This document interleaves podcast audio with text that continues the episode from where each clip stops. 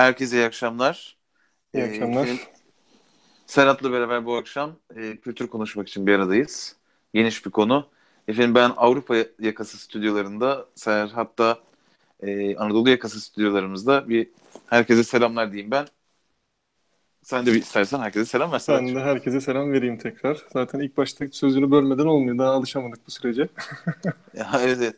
Yani şey tabii bir zorluk işte. Yüz yüze bakmadığın için. Karşılık böyle paslaşma ve benzeri şeyler biraz böyle ama ama şu an çok rahat. Bütün soruları sana soracağım. Bütün her şeyi sen cevap vereceksin. ne kadar güzel. Hiç yemez o. yani şey, şey tarafı güzel oluyor. Yani e, zor oluyordu. Şimdi benim Ceyda var, Barış var falan. Şimdi diyorum ki bilmem ne bilmem ne mi hiç kimse girmiyor lafa. Ya da herkes aynı anda giriyor. Şimdi burada birazcık daha efendim e, karşılıklı diyalog şeklinde götürebileceğiz. E, Barış sonradan katılacak gibi gözüküyor. E, bakalım Ceyda ve e, Mine falan acaba sürpriz katılım gösterir mi diye beklemiyordu. Değiliz. Barış'ın performansında evet. bir düşüş var yalnız. İlk 10 saniyede katılmış olması gerekiyordu. Evet, evet. Arkadaşımız. İşte bunlar hep Allah'ın inayeti artık yani. Yapacak bir şey yok. Bu sefer ee, getiremedi. Efendim şimdi kabaca bir plan da yaptık. Başlıklarımız var böyle hani kültür tanımı, öğelerini, e, kültürün çeşitlerine, bireyin kültüre etkisi var mı yok mu? Anadolu kültürü üzerine belki birazcık konuşmak lazım. E, geçmişimizde bir kültür başkenti var. Biraz da biz burada beyaz yakalının gözünden e, bakmaya çalışıyoruz. E, çok kültürlük üzerine konuşuyoruz. Kültür teknoloji ilişkisi üzerine bunlar hep başlık olarak kenara aldığımız notlar. E, ben şimdi tanımı ve öğeleri başlığıyla hemen sana atayım. Önce bir kültürü tanımlarsak pratik olacaktır üzerine tartışması. Vallahi ben tabii biraz üzerine tabii ara ara e, bakma şansımız da oldu. Bu programın öyle bir faydası da oldu belki bize. Konuşacağımız konular hakkında en azından birazcık şöyle bir bakınalım diyoruz ya. Ee, hı hı. Mesela ben kültürün sözlük anlamıyla ilgili birazcık bakındığım zaman köken itibariyle aslında köke, şey, toprağın işlenmesi gibi bir e, kökene ulaştım. Evet. Kalçır. Şeydeki bu. Evet. Os- Osmanlı'da hars, ekin gibi bir anlamı varmış. Ee, herhalde bu Edward Tyler diye bir antropolojinin ünlü isimlerinden biri abimizin insani alanda da kullanmaya başlamasıyla artık bugünkü bildiğimiz anlamına yaklaşmış.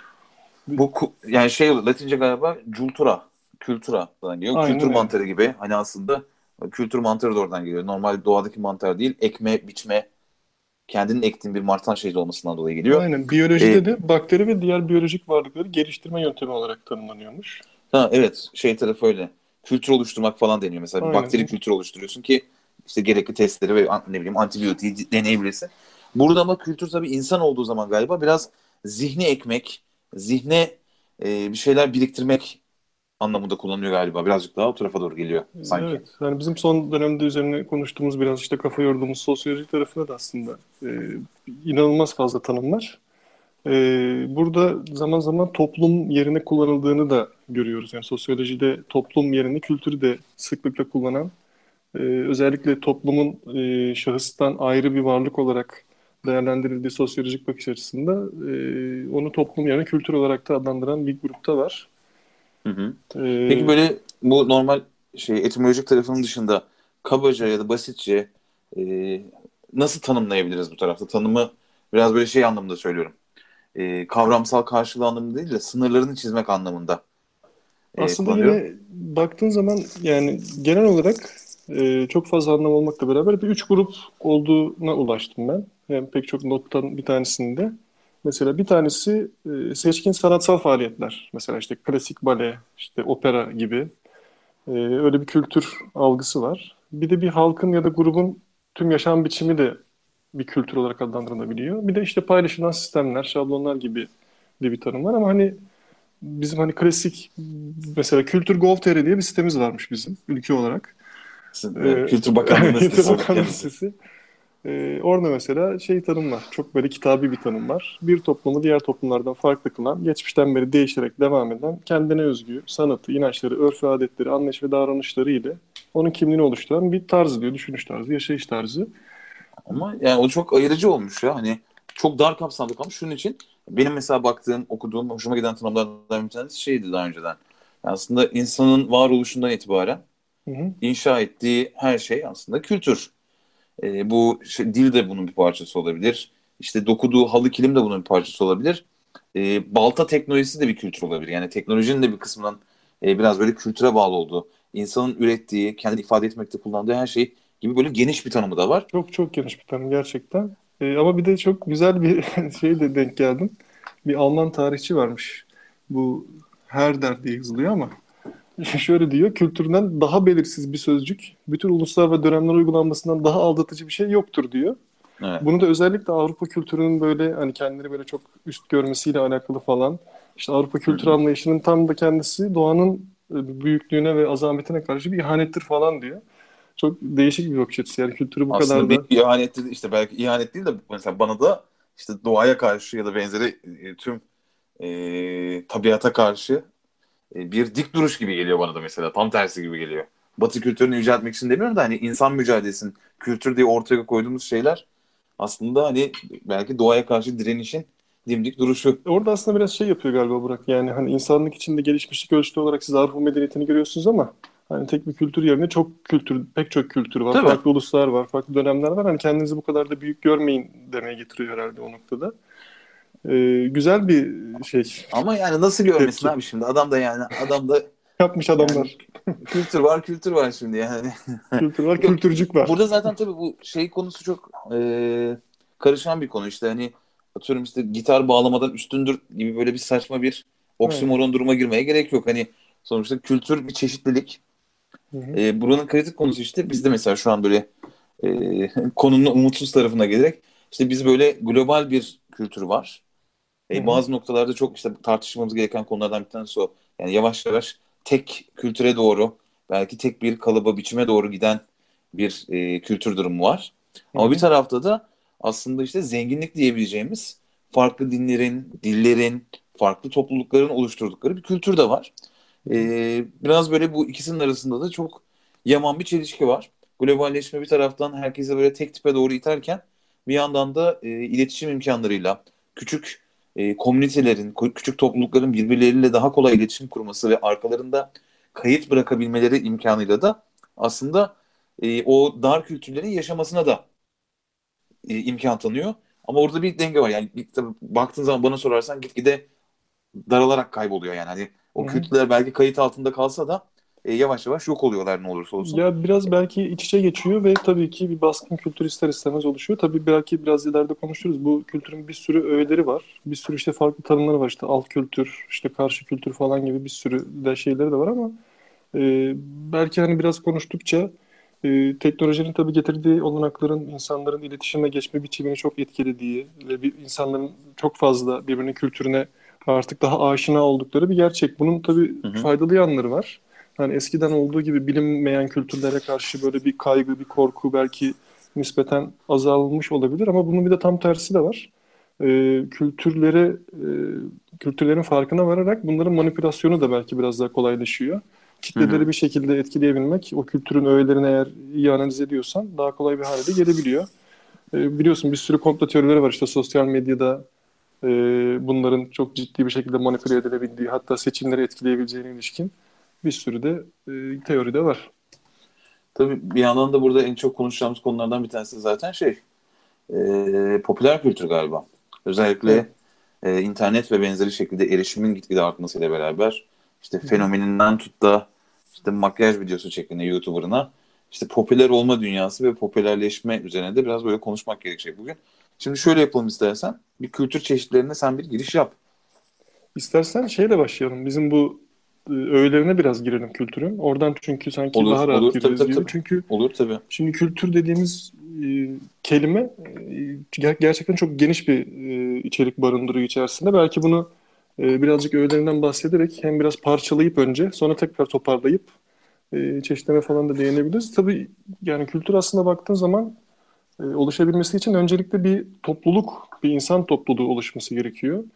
Ee, yani benim kendime ait şahsımın oluşturduğu bir kültür tanımı birazcık şey kalıyor. Ee, yani içinde doğduğun toplumun biraz kültüründen etkileniyorsun. Burada tabii e, beş ana öğesinden bahsediliyor genel olarak. Öncelikle bir değerler dediğimiz aslında çok zor oluşan, e, oluşması uzun zaman alan ve işte toplumdaki bireylerin davranışlarını da oradan etkileyen e, önemli bir başlığı var, öğesi var. Biraz bu değerler şey gibi mi? Gelenek gibi mi de birazcık? Tam kelime olarak olmayabilir ama biraz hani Yani gelenekten ziyade belki şöyle diyebiliriz. Hani e, tabii aslında değerler toplumsal değerler olduğu gibi aslında kişisel değerlerle de çok ilintili bence. Ee, örneğin hani e, Japonya'daki bir saygı kültürünü mesela ele alalım ya da işte kültürün saygı öğesini ele alalım. Ee, belki saygıyı bir toplumsal değer olarak orada işleyebiliriz Japonya'da. Oradaki Hı hı. algı bireylere de intibak ediyor doğal olarak ve oradaki bir saygı insanların içselleştirdiği, toplum içerisinde herkesin birbirine ve sahip çıktığı da bir e, paylaşım haline geliyor değer dediğin zaman. Bir de normlar var. Normlar değerlerden biraz daha farklı. Normların Normlar bir, biraz yaptırım durumu bir şey evet tarafı yani da var. insanlardan beklenen bir şey bu. Hani bizim toplumumuzun normları bu. Hani işte bir Alman çocuğu bilmem ne yere gittiği zaman işte şöyle yapması bekleniyor. Bu bir davranış kalıbı gibi de belki değerlendirilebilir. Hı. E, tabii inançlar çok etkili. E, tabii dinler e, tarihsel olarak da baktığımız zaman e, kültürlerin çok önemli öğeleri. Hı hı. E, bizim için de tabii çok önemli. Hatta biraz belki ileride Ziya Gökalp'e indiğimiz zaman orada da bahsederiz. İnanç kültürün gerçekten vazgeçilmez bir öğesi. E, bir de bazı semboller var. E, Hı hı. bu semboller birazcık daha işte toplumun içerisinde e, nasıl diyelim biraz ayrıştırıcı gibi değerlendirilebilir. Tabii bu öğelerin Aslında belki tabii semboller aynı zamanda hani ayrıştırıcı değil belki kimlik inşa edici de olabilir o tarafta. Ayrıştırıcı derken hani diğer topluluklardan ayrıştırıcı Ha anlamında. evet He, evet o anlamda evet. söylüyorum. Onları, iki insanları bir araya getiren ne bileyim belki örneğin bir bayrak belki orada bir sembol olabilir bilemiyorum. Ya da işte daha ilkele gidersek işte gözün altına çekilen bir boya, kulağa takılan bir Evet küpe, evet evet. hani e, o makyaj şekilleri e, şey tabii öyledir yani bizde de vardır atıyorum e, işte dul kalmış kadın e, bilmem ne yapıyor yüzünde bilmem ne, e, ne çiziyorlardı gözlerinin oraya. Yani oraya bir çizim yapıyorlar o aslında o demek. Ve aslında bu kültürün çeşitliliğinde mesela aklıma şey de geliyor. E, vardır ya hep böyle işte 16. 17. yüzyıl 18. yüzyıl denizcilik şeylerinde işte ele hapishanede kalmış korsanlara falan mesela sembol olarak dövme işlenmesi aslında bunların hepsi işte bir nevi başka bir kültür. Bir korsan kültüründe e, işte yakalanırsan e, elinde senin korsan olduğunla ilgili dövme yapıyorlardı. Bir kültür aslında bu Şeyler taraftan vardı. baktığında. Afrika'da bazı işte kabileler vardı. E, İşte kadınlar boyunlarına böyle halkalar Evet. geçirirlerdi falan öyle çok değişik semboller tabii olabiliyor. Hı hı. Ama belki en önemli öğelerden bir tanesi de dil. Dil e, zaten hani iletişime geçmenin en e, bence ilginç yolu. Yani canlılar arasında baktığın zaman e, insanı çok ayrıştıran önemli bir şey. E, ve tabii dil, burada bizim sevgili kardeşimiz Murat Aykut'a da gönderme yapalım. E, kültür coğrafyadır gibi de bir şey var. Ve hatta dilin de coğrafyadan çok etkilendiği. Değil. Evet. E, mesela Rus, Rusların neden e, böyle cümlelerin bız bız bız falan diye bittiğini, kapalı seslerle bittiğini aslında hani coğrafya olarak da açıklamaya çalışan. Wittgen, Wittgenstein'e girer oradan yürürüz. Burada sadece benim hani görmediğim hani bu, bu başlıklar arasında birazcık da benim aradığım işte aslında o işte şey kısmı. Yani geleneği de o yüzden biraz böyle değerlerin bir parçası olarak konuşmak istedim ama işte Hı hı. şey durumu var ya e, yani kabiledesin akşamları kabilede herkes beraber ateşin etrafında toplanır Hı hı. ve yemek yer E, ve arkasından dans ederek tanrılarına kurban verirler. Bu bir gelenek Hı hı. ve aslında bir kültür. Yani burada değerler, inançlar, semboller, dil ve normlar dışında sanki arada bir böyle geleneğe de bir yer bırakmak gibi geliyor. Bu geleneği ben şu anlamda kullanmıyorum. Hani geleneksel, geçmişte kalmış, modern olmayan gibi bir e, karşılaştırma olarak değil. Ya bu taraftaki amacım aslında e, belki de sorgulanmadan e, bir önceki kuşaktan görüp hayatında uyguladığın e, şeyler. Hani gelenek dediğinde tabii bunun altında bir de örf, adet Kesinlikle ve benzeri konular da geliyor. Belki burası sembole daha yakın şeyler. Atıyorum işte büyüklerin yanında bacak bacak üstüne atılmaz. İşte babanın yanında sigara içme falan gibi belki adet ve benzeri şeylere de böyle E, Orada mesela şey var. Ya da Burak yani Ziya Gökalp e, yani çok önemli bir şahsiyet Türk sosyolojisinde özellikle. Ben de tabii yeni yeni keşfediyorum açıkçası. Bu da bizim ayıbımız olsun. E, tabii şu anki bugünkü oturduğumuz koltuklardan geçmişi eleştirmek çok kolaydır. Özellikle Türklük üzerinden e, bir ulus devlet inşasında e, bazı çabaların işte bugünkü bugünün dünyasıyla çok uyuşmadığını ilişkin bir sürü eleştiriler de getiriliyor kendisine ama onun mesela ilginç tabii ben tespitleri bir var. ben bir liboş olduğum için ben bir liboş olduğum için O zaman önünü kestim farkındayım. Sen oraya girme. evet evet. E, ben çünkü sen burada hani bizim kendi aramızda yazışmalarımızda Ziya Gökalp başlığını görünce böyle inceden inceden eyvah. gerilmedim de değil yani hani. Ya tabii şimdi biliyorsun ben benim görüşlerimi üç aşağı beş yukarı biliyorsun. Ee, yani şöyle yani insanların görüşlerine illa hani sahip çıkmak zorunda değilsin ama yaptığı doğru işleri de ya da çabaları da takdir etmek gerektiğini düşünüyoruz. Hep beraber saygı duymamız gerektiğini düşünüyoruz. Ee, çünkü yani Fransız ihtilalinden sonra bu biraz tabii farklı bir tartışma konusu belki ama e, ulus devletlerin geldiği noktayı görüp e, belki bunu birazcık kendine dert edinip çünkü sosyolojinin ilk yıllarında biliyorsun şeyler var. İnsanlar içinde bulunduğu toplumu hem düzenini sağlama hem de daha ileriye taşıma gibi kaygıları var. E, bu kaygıları tabii ki Ziya Gökalp de fark ediyor. Özellikle bu Emil Durkheim'den etkilendiğini okudum. E, işte orada birazcık daha işlevsel yapıları toplum içerisinde değerlendiriyor ve aslında güzel tespitleri de var. Mesela beni etkileyen bir tespiti şey oldu. E, yani toplumun e, kendi geliştirdiği normları, kültürünü ayrı bir yere koyuyor. Uygarlıktan gelen diğer işte bu gelişmişlik, teknoloji diyebiliriz onu artık ne diyeceksek, muasır medeniyet seviyesi diye tartışıyoruz ya.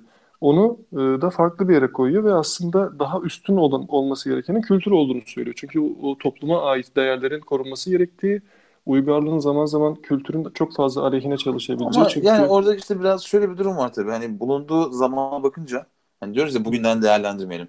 Kesinlikle. O zamana bakılınca Türk Dil Kurumu, Türk Tarih Kurumu, Ziya Gökalp'in çalışmaları falan diye baktığın zaman aslında bir e, belki de ortada olmayan bir ulus devlet yaratma İnşası, durumu var. tabii canım öyle. Hı-hı. Yani bir ulus devlet yani orada bir işte Türk kimliği ve Türk kimliğinin inşası süreci var. Yani bu dönemde de mesela çok ilginç yaşanan olaylar da var. Hani şeyi hiç tanıyor musun bilmiyorum mesela Ziya Gökalp'i duyduğum zaman konunun biraz Türkçülüğe e, buna bağlı tabii da Tabii Türkistan e, direkt. Şey peki Muzaffer Şerif'i hiç duydun mu? Duydum. Hatta seninle ee, de konuşmuştuk diye hatırlıyorum. Evet. Amerika'ya göçen. Evet. Şimdi Muzaffer Şerif'i şundan dolayı söylüyorum. Muzaffer Şerif e, Türkiye'ye geldiği zaman e, Niyazi Berkes ve Beyce Boran'la beraber Adımlar dergisini çıkartan e, akademisyenlerden bir tanesi. E, böyle şeydir hani sosyal psikolojinin kurucusu diye geçiyor adam. Hani Hı-hı. tek başına değil tabii o dönemde hani ne derler pioneerlarından o ilk e, o işte uğraşan adamlardan bir tanesi. Bunun yaptığı, e, bu arkadaşın yaptığı otokinetik deneyiyle sosyal psikolojinin deneysel tarafını ilk açığa çıkaranlardan bir tanesi. Meşhur mesela miligram deneyi vardır. Hı hı. E, otoritenin altında evet, miligram deneyi vardır ve miligram deneyi böyle sosyoloji tarafında wow arkadaş denen bir durumdur. E, konformizmin deneyi olan eş deneyi vardır. E, bizim e, grubun normlarına nasıl uyduğumuzla ilgili. Sosyoloji e, belki, Evet hani işte açık ara gözümüzün önünde bir daha uzun çizgi olmasına rağmen Hı-hı. grubun yanlış cevap vermesine bizim katılmamızla beraber. Şimdi ben bu deneylere eş deneyini falan okurken e, bunların refere aldığı e, konformitinin de refere aldığı iki tane deneyden bahsediliyor ve Muzaffer Şerif diye bu adam yapmış. Ama şöyle yazılıyor bu arada. Şeherif. İngilizce. Muzaffer. Şeherif. Allah Allah dedim ya bu adam Mısırlı falan falan. Muzaffer Şerif'i 1906 Ödemiş doğumlu. Ya dedim Ödemişler. Memleketli. Ödemişler. Ya nasıl adamlar çıkıyor ya dedim Ödemişler. Ya bir, bir yolu sen zaten. Var. Hatırlamıyorum ama aynı takımı tutmak gibi hani hemşerili olmak gibi bir e, sosyal tanım daha var burada psikolojik ya da emin değilim. Hani şey takımın başarılı olduğu zaman kendi kimliğine de oradan pay çıkartıyor olmakla ilgili. E, ya da işte adam ödemişli sanki hani zannedersin adam ödemişli olunca ben e, kariyerimde bambaşka bir yere geliyorum hani. E, şimdi bu adamın bahsetmemiz sebebi şu. E, bu adamın hikayesi ilginç. Ödemiş'te doğuyor. Hı hı. E, Türkiye'de eğitimini tamamladıktan sonra yurt dışına gidiyor. Amerika'da yanlış olmasın ama Harvard'da falan hocalık yapıyor. Türkiye'ye gelip Ankara Üniversitesi'nde psikoloji bölümünü kuruyor. E, burada hani işte kürsüsü var bilmem ne yani böyle şey e, böyle nasıl diyeyim o dönem içinde Amerika'ya gidip Harvard'ı bitirip e, Kolombiya'da e, çalışıyor olmak oradaki bir şeyi Türkiye'ye getirmek ve gelip oradaki bilgi birikimini buradaki üniversiteye aktarmak için geliyor. Ama burada Türkçülük akımıyla karşı karşıya geliyor ve e, Türkçülük akımıyla mücadele etmeye başlıyor. Hı hı. Ve bu tarafta bunun bir temeli olmadığı ile ilgili çok ciddi çalışmaları var. Tabii ki de hikaye bizde o bu da bir kültür ya hani evet. bizim toprakların kültürlerinden bir tanesi de e, Muzaffer Şerif özellikle bu Adımlar dergisi çıktıktan sonra tutuklanıyor, gözaltına alınıyor. E, Amerika'dan devreye giriyorlar hocaları, arkadaşları e, o taraftan ve salı verilmesini sağlıyorlar. Adam da e, salı verdikten sonra tekrar Amerika'ya gidiyor. Amerika'ya gittiğinde deney yapmaya devam ediyor. Bu Robbers Cave deneyini, işte otokinetik deneyi ve benzeri orada hayata geçiriyor. Arkasından e, Türkiye'ye dönmek istiyor. Diyerekten bütün memuriyet haklarını falan iptal edip Türkiye'ye gelmemesini sağlıyorlar. E, o da buna tepki olarak soy ismini Şerif'ten Şerif'e çeviriyor. Çocukların isimlerini İngilizce koyuyor ve hani hakikaten açıkçası küsüyor Türkiye'ye. Ve şimdi şey beni üzüyor yani bu adam hakikaten yani sosyal psikoloji dediğimiz şeyin kurucusu. E, Türk olması hani az önceki kimlikten dolayı da söylüyorum. Ya bu adam işte bir çeşitlilik. Hele yani bir ödemiş bizim... olması yani üstüne. Tabii ödemiş olması ayrı zaten. Çünkü biliyorsun ödemişte bilim kültürü yani şey gibi Türkiye'nin Rönesans'ı ödemiş yani. Hani hepimiz biliyoruz onu şimdi. E, dolayısıyla şimdi bu tarafta böyle bir şey sıkıntı var. Yani Ziya Gökalp'in taşıdığı o bayrağın karşısında e, işte o üstün kültür mültür yok diyoruz ama bir tarafta da işte bir dayatılan bir kültür var bu tarafta. Kesinlikle tabii. Yani o şey var. Toplumun e, inşa edilme çabası var. E, ve tabii aslında şöyle de bir dert var. Yani toplumu, içinde bulunduğu toplumu belki bunu sonra doğru konuşacaktık ama bir bireyin içinde bulunduğu toplumu e, ne kadar etkileyip ne kadar etkileyemeyeceğiyle alakalı da bazı tartışmalar var. Çünkü şey kabul ediliyor. Yani biz bir kültürün içine doğuyoruz ya bu yüzyıllardır işte yoğrulmuş, işte belki damıtılmış, böyle artık şey hale gelmiş, bildir hale gelmiş bir sistem. Hani bir birey bunu ne kadar değiştirebilir ki diyoruz ama bazen hani öyle bir olay oluyor ki ya da öyle bir kişi çıkıyor ki o kültürü gerçekten çok farklı bir yere de evrilmesine götürebiliyor. Bu Ziya Gökalp bu anlamda bence önemli. Evet. Bir tabii şey de var hani e, sosyolojinin e, bu işte 19. yüzyıldan sonra e, modern Batı toplumunun toplum işte bilimini ortaya koymaya çalışan bir bilim dalı olarak Türkiye'de daha şeyleri var, e, ön çalışmaları var. Tabi biliyorsun Osmanlı aydınlanması da son dönemde etkileniyor Avrupa'dan çok ciddi biçimde. Tabii, Ama tabii. hani sistematik olarak bunu bir bilim olarak da Türkiye'ye yerleştirmesi de ayrı bir durum. Tabii ki bu hani bugün buradan değerlendirdiğimiz şekliyle her görüşünü evrensel olarak değerlendirmek zaten çok mümkün değil. Gerekli de değil. Hani öyle bir gereklilik de yok. Adam bir şeyleri yapmaya çabalamış ve büyük oranda da başarmış aslına bakarsan. Evet. Tabii o, o döneme baktığın zaman işte o şeyin eserlerine baktığın zaman da hani Cumhuriyet dönemi mesela işte müzik tarafında benzeri şeyleri Hı. görüyorsun. Türk beşleri var. Cemil Beş Trey'in de içinde bulundukları öyle bir e, evet. klasik müzik, batı müziğinin e, Türk kültürüyle aslında mesela kaynaştığı e, hatta böyle şeydir Anadolu'dan görünümü hatırlar mısın? Onun böyle müziğidir.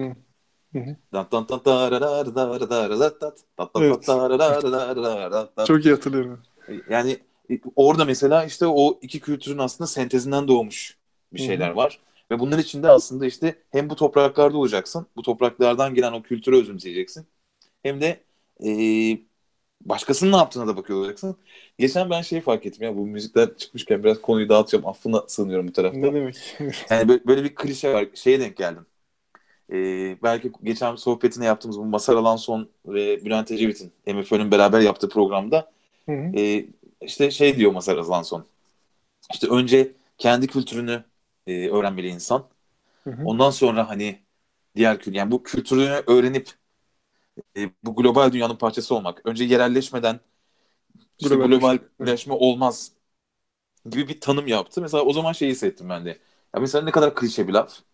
Ve bazı şeyler bu, bu da bir kültür olabilir yani. Aslında hiç düşünmeden kabul ettiğimiz şeyler. Şey düşündüm e, doğal olarak hani e, mesela İngiltere'de doğduğunda da böyle diyorlar mı sana? Hani önce yerel kültürümüzü öğrenip e, sonra global kültürün parçası olacağız. Hani, Önce beşli çayını abi, iç ondan sonra ne yapıyorsan yap. Yok beşli çayını mesela şimdi hani o adamların kültürü rock müzik. Anladın mı? Sen şimdi buradan alıp mesela Türkiye'den e, bağlamayı alıp öbür taraftan gitarı alıp e, Anadolu rock icra ediyorsun. İşte bu yerelle globali bir yere getiriyorsun. Garip dedim tabii bu, bu bizim gibi kültürel zenginlikler olmayınca İngilizlerin. Onlar sadece rock yapmışlar anladın mı? Hani hiçbir böyle şey olmamış. Ya orada işte mesela bu biraz böyle kafamızda kalıplar var. Bazı şeylerin işte yerel olması, e, global olması, bazılarının üstün olması. İşte mesela şey hissi çok yaygındır. Mesela katılırsın katılmazsın sen de kendi fikrini söyle ama hani şöyle bir algı var mesela. Klasik müzik tüm müzik türlerinin içerisinde e, üstte duran, daha e, kaliteli algılanan, altında işte caz, blues gibi dalların geldiği. Yani üst kültür dedik ya az önce biraz böyle hani evet. kültürel daha entelektüel olduğu düşünülen. Ama aşağı doğru indikçe de işte yani ne bileyim işte e, türkü, arabesk ve benzeri araları işte şey bu Türkiye'ye baktığında bu illa global olmak zorunda değil. Türkiye'de de işte sanat müziği. Yani işi bile baksın adı bile sanat müziği ama bir yandan da halkın kullandığı halk müziği gibi bir temel ayrım var. Bir de saraylarda çalınıyor, dinleniyor. Burası bir e, üst kültür ama bir tarafta da işte halkın içerisinde e, bir böyle e, alt kültür e, diyebileceğimiz belki bir şey var. İstersen buradan da bu alt kültür, karşı kültür, popüler kültür gibi kavramları da biraz açıklayarak bence bunun üzerine birazcık konuşabiliriz. Olabilir. Şimdi tabii e, kültürel çatışma diye de bir şey var aslına bakarsan. Bu yani toplumun öğeleri içerisinde kültürün de pek çok alt kırılımı da olabileceği değerlendiriliyor ki biz bunu ülke olarak özellikle bizim coğrafyamızda geçmişte yaşayan ve hala yaşamakta olan e, toplumları, bunların etkilerini hatta işte bu coğrafyadaki bütün devletleri, beylikleri falan düşünürsen oraya kadar belki götürebiliriz. E, yani tabii alt kültür birazcık daha farklı tanımlanıyor. Birazcık daha azınlıklara e, ithafen kullanılıyor ama belki azınlıktan ziyade biz e, kendi içimizde de işte örnek olarak söylüyorum bunu tamamen.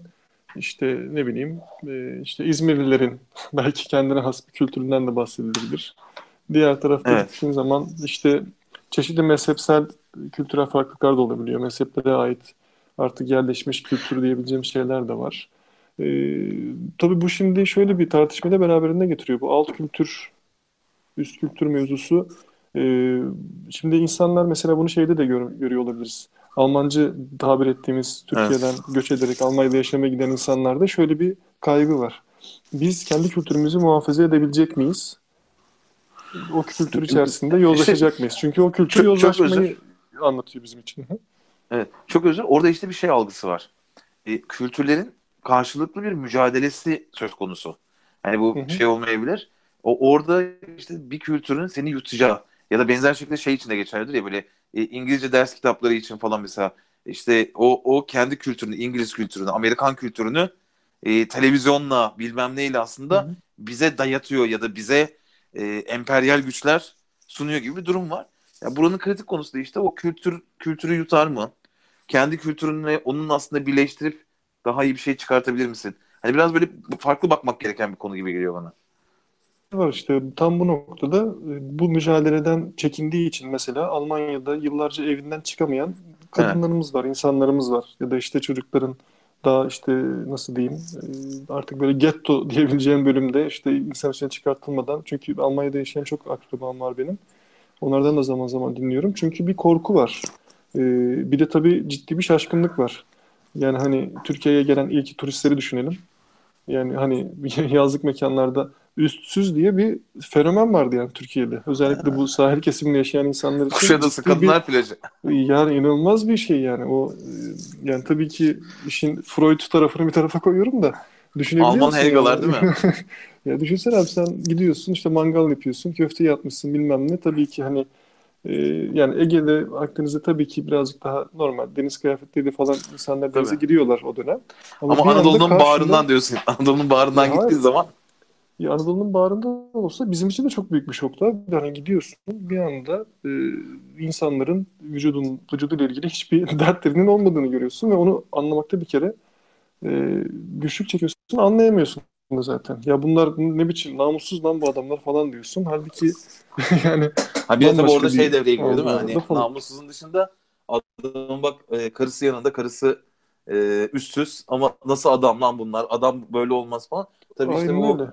Konuştuğumuzda biraz geleneğe de bağlı, adete bilmem neye de bağladığımız konu işte. Kesinlikle bir sürü şeye bağlı. Bir, bir de işte şey var işte o hani namus dediğin şey bilmem ne şey de bize kültür olarak işlenmiş şeyler. E şimdi bunu Burada... düşünsene Almanya'ya gidiyorsun. Ulan benim kültürüm buna dönüşmesin diyorsun doğal olarak. Çünkü hani bizim muhafaza etmeye çalıştığımız bir sürü başka şeyler var. Orada bambaşka bir dünya var. Bu işin önemli bir boyutu belki de. Peki şey kısmı nasıl olacak? Hani bir yandan da bir kültürel değişime de ihtiyaç var. Çünkü yani sonuçta bu şey e, anamızdan babamıza bize toplumun dedelerinden öbürüne hani o toplum içerisinde şekillenmiş o girdiğimiz kabın şeklini alma durumumuzdan dolayı özümüze kadar bazen işlemiş bu durumların aslında hani doğru olması gerekmiyor. Hani atıyorum işte basitleştirmek için söylüyorum. İşte babanın karşısında, büyüklerin karşısında bacak bacak üstüne atılmaz. Abi hani ya dünya yani saygıyı mesela bizim için şu an bu mesela göstergelik bir saygı anlayışı bu. Aslında içi boş olan, gelenekten gelen çünkü gerçek anlamda saygı bacak bacak üstüne atmakla gösterilir mi? Gösterilmez. Toplum bunları değiştirmeli mi? Hani burada aslında biraz da şey var. Yani kültürün değişmesi kötü her bir zaman, şey mi? Her zaman kötü bir şey mi? Ya bırak orada şöyle hissediyorum ben ve bunu aslında uzun zamandır da düşünüyorum. Ee, şimdi toplumun bugünkü hale gelmesini etkileyen çok fazla faktör var. Ve e, sanıyorum bu tarihsel akış içerisinde e, en doğru olanın bu olduğu varsayımıyla bu şekilde yapılar gelişmiş. Ama tabii e, şöyle bir durum var. Az doğru oldu mu yoksa ya. sorgulanmadığı için mi? Ya şimdi şöyle olabilir. Ya Belki bir, nokta, bir, bir noktada doğruydu. Hani bu şu beş maymun deneyi vardı ya klasik. Ha, evet. Bir noktada belki doğruydu ama o noktadan sonra belki elektrik vermeyi kesti deneyin sahibi ama sen onu bilmiyorsun. Ona hala uymaya devam ediyorsun. O ayrı bir şey. Bu olabilir. İlk ortaya çıkış aşamasından biraz bahsediyorum ben. Herhalde böyle oldu diye tahmin ediyorum. Çünkü bazı konulara baktığın zaman bugün oturduğun yerden ya hani ne saçma şey kardeşim ya hani bu niye böyle bir şey var diye sorguluyorsun tabii ki. Ya ee, basitle şey söyleyeyim mesela işte sen de beraber eşlerimizle beraber dışarı çıksak hesap gelse senle kesin biz ben ödeyeceğim ben ödeyeceğim kavgası yaparız. Ama mesela Alman'dan bahsettik ya Alman usulü diye bir şey var yani hani. Anladın mı? Hani adamların kültüründe de herkes abi ne münasebet ben kendi paramı veririm sen de kendininkini verirsin. Mesela ya bizim şey vardı. çok farklı. Biz, biz ikimiz belki onunla ilgili çok güzel bir şey okumuştum geçenlerde. Şey diyor. Ya diyor belli bir samimiyet seviyesindeysen diyor tamam hani ben ödeyeyim sen ödeyeyim ama diyor çok samimiysen karşı tarafa ödetirsin nasıl nasıl çaktım diye. o işte biz şey. Orada, biz orada olabiliriz yani. Valla çok taze bir müşteriye sunuma gittik.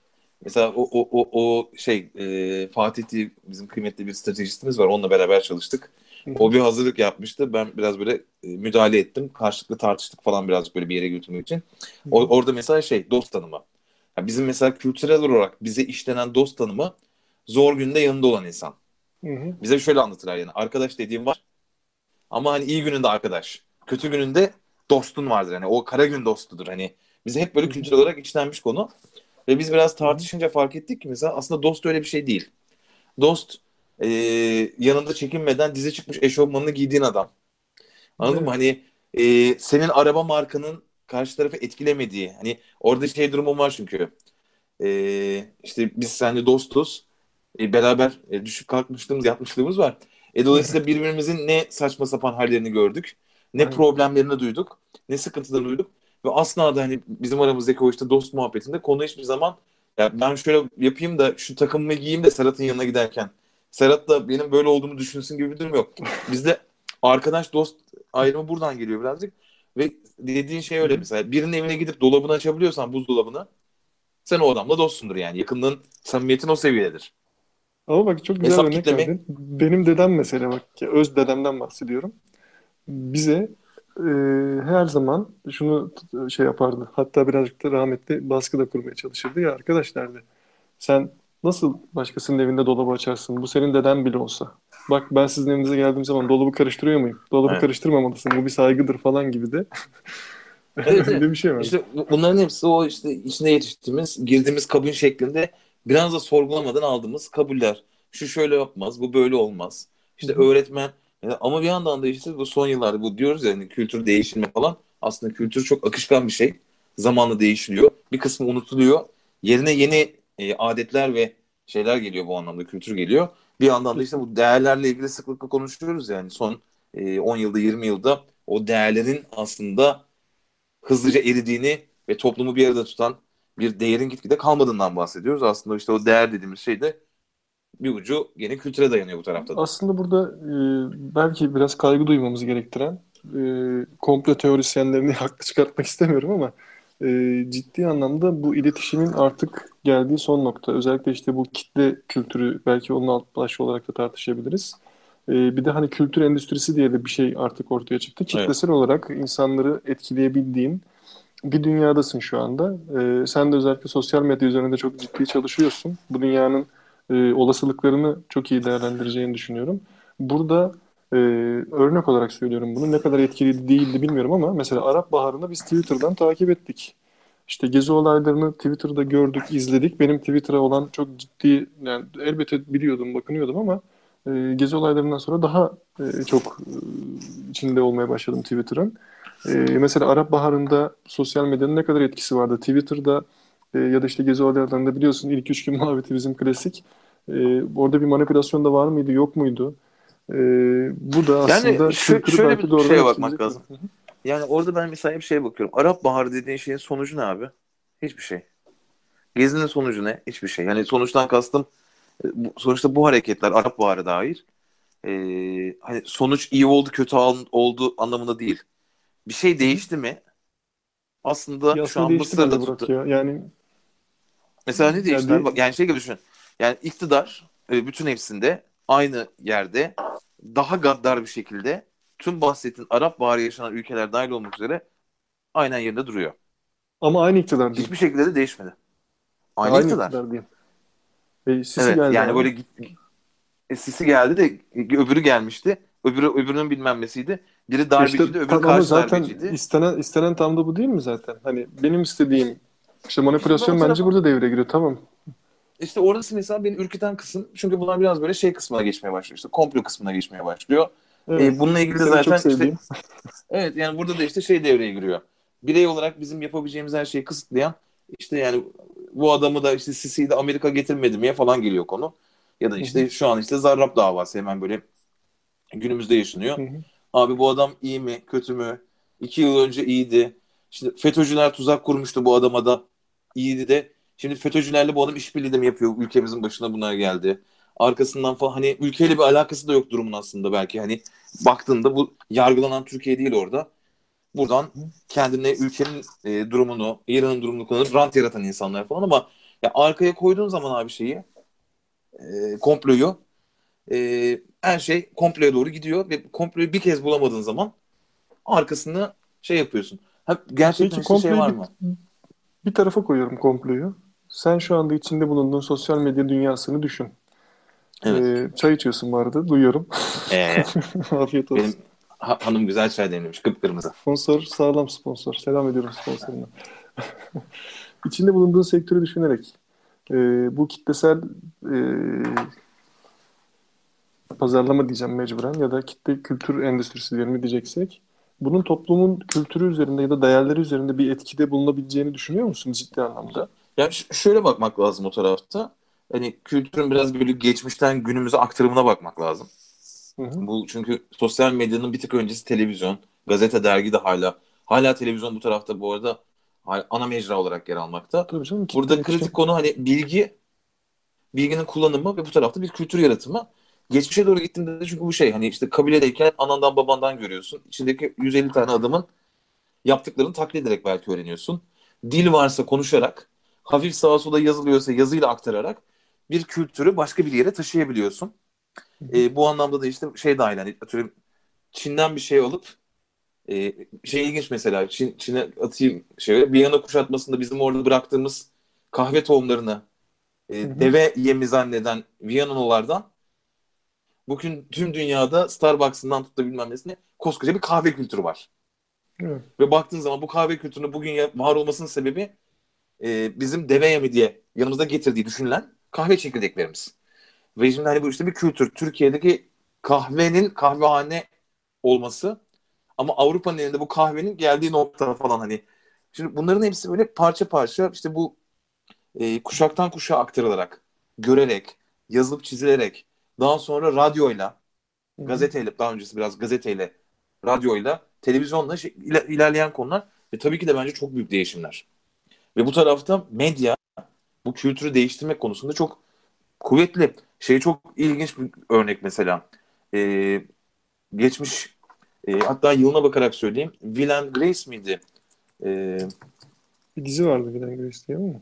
Evet Will and Grace diye. Şimdi mesela eşcinsellerin e, 98 yılında Will and Grace gösterime giriyor. Daha öncesi eşcinsel kitle mesela çok ciddi ötekileştirilen bir e, kitle. Hı hı. Ama Will and Grace'de e, gayler ve e, onların arasındaki ilişkilerin de yer aldığı ben şey izlemedim, seri izlemedim. Ama eşcinsel bir avukat bilin en iyi arkadaşı e, şeye bakarak söylüyorum. E, en iyi arkadaşıyla ilişkiler üzerine gay ilişkileri evet. Ve şimdi o taraftaki bunun televizyonda görülerek normalize edilmesiyle ilgili bir süreç var aslında. Hı hı. Yani burada mesela e, eşcinsele karşı, eşcinselliğe karşı olan tepkinin televizyonda sempatik bir rolle, karakterle o bizim kafamızdaki feminen eşcinsel rolünden çıkarttığın anda aslında e, ciddi bir kültürel değişime sebep oluyor. William Grace bu tarafta mesela çok büyük iş başarmış. Arkasından gelen şey şu an hani e, Amerika'ya baktığın zaman eşcinsel olduğunu söylemek, kimliğini ifade etmek çok da kolay bir konu artık. Hani elbette ki hala orada belki Amerika'nın gettolarında, varoşlarında belki kolay olmayabilir hala ama yani biz, biz de kıyaslayamazsın yani. Bugün tam da tam da bu noktada işte biz biz böyle olmak istemiyoruz bence. Böyle bir korkumuz da var. Hani bu böyle ama bir işte duruma... evet evet. Burada ama işte şey etkisi olarak konuştuğumuz konuya bağlamak için söylüyorum. Bu televizyonun Hı-hı. çok net bir etkisi mesela. Ee, işte bu televizyon etkisinin toplumsal tarafta getirdiği çok büyük değişiklikler var, kültürel değişiklikler var. Ben burada mesela şeyi de çok e, kuvvetli buluyorum. İnsan hakları anlamında. Yani buradaki adamın Amerika'daki yaşamı görmesi, etmesi falan, Avrupa'yı görmesi televizyondan eksik fazla. Ama hani orada gördüğünü burada işte Avrupalı'nın hak dediği şeyi e, şey klişesini düşünsene. Ya bugün seni beni tutuklasalar şöyle deriz yani benim haklarım var falan deriz yani e, polise. Hani haklarımı biliyorum. Haklarımı okuyun. Haklarımı okumadınız. kimse 1980'lerde kimse kimseye hak okumamış yani hani orada yaşananları düşününce. Ve şimdi hani ama sen şöyle bir şeyle yetişiyorsun işte kültürel olarak. Bir dakika diyorsun ya benim haklarım olmalı. Olmalı. Yoktur belki kanunların ama bu zamanla neye sebep oluyor? Bir talebe ve yeni bir kültürel değişikliğe sebep oluyor. Bu tarafta hani e, sosyal medya tarafına geldiğin zaman da sosyal medyada konu birazcık şöyle genişliyor. E, bir böyle bir şırım var orada. Popüler olmakla ilgili bir çaba var. Çünkü eskiden e, atıyorum sen ben eksik kalmayız ama hani Kıvanç Tatlıtuğ gibi işte 20 tane adam vardı. Televizyon endüstrisini bilmem yani hiçbirimiz ya Kıvanç Tatlıtuğ'dan... Sen ben Kıvanç Tatlıtuğ'dan eksik kalmayız mı dedin az önce? Yanlış mı duydum? Ses. Tabii tabii eksik kalmayız. ya ben kilo olarak fazlam var yani. Çok eksik kalacak bir tarafım yok. Ee, sonuçta şey gibi düşün.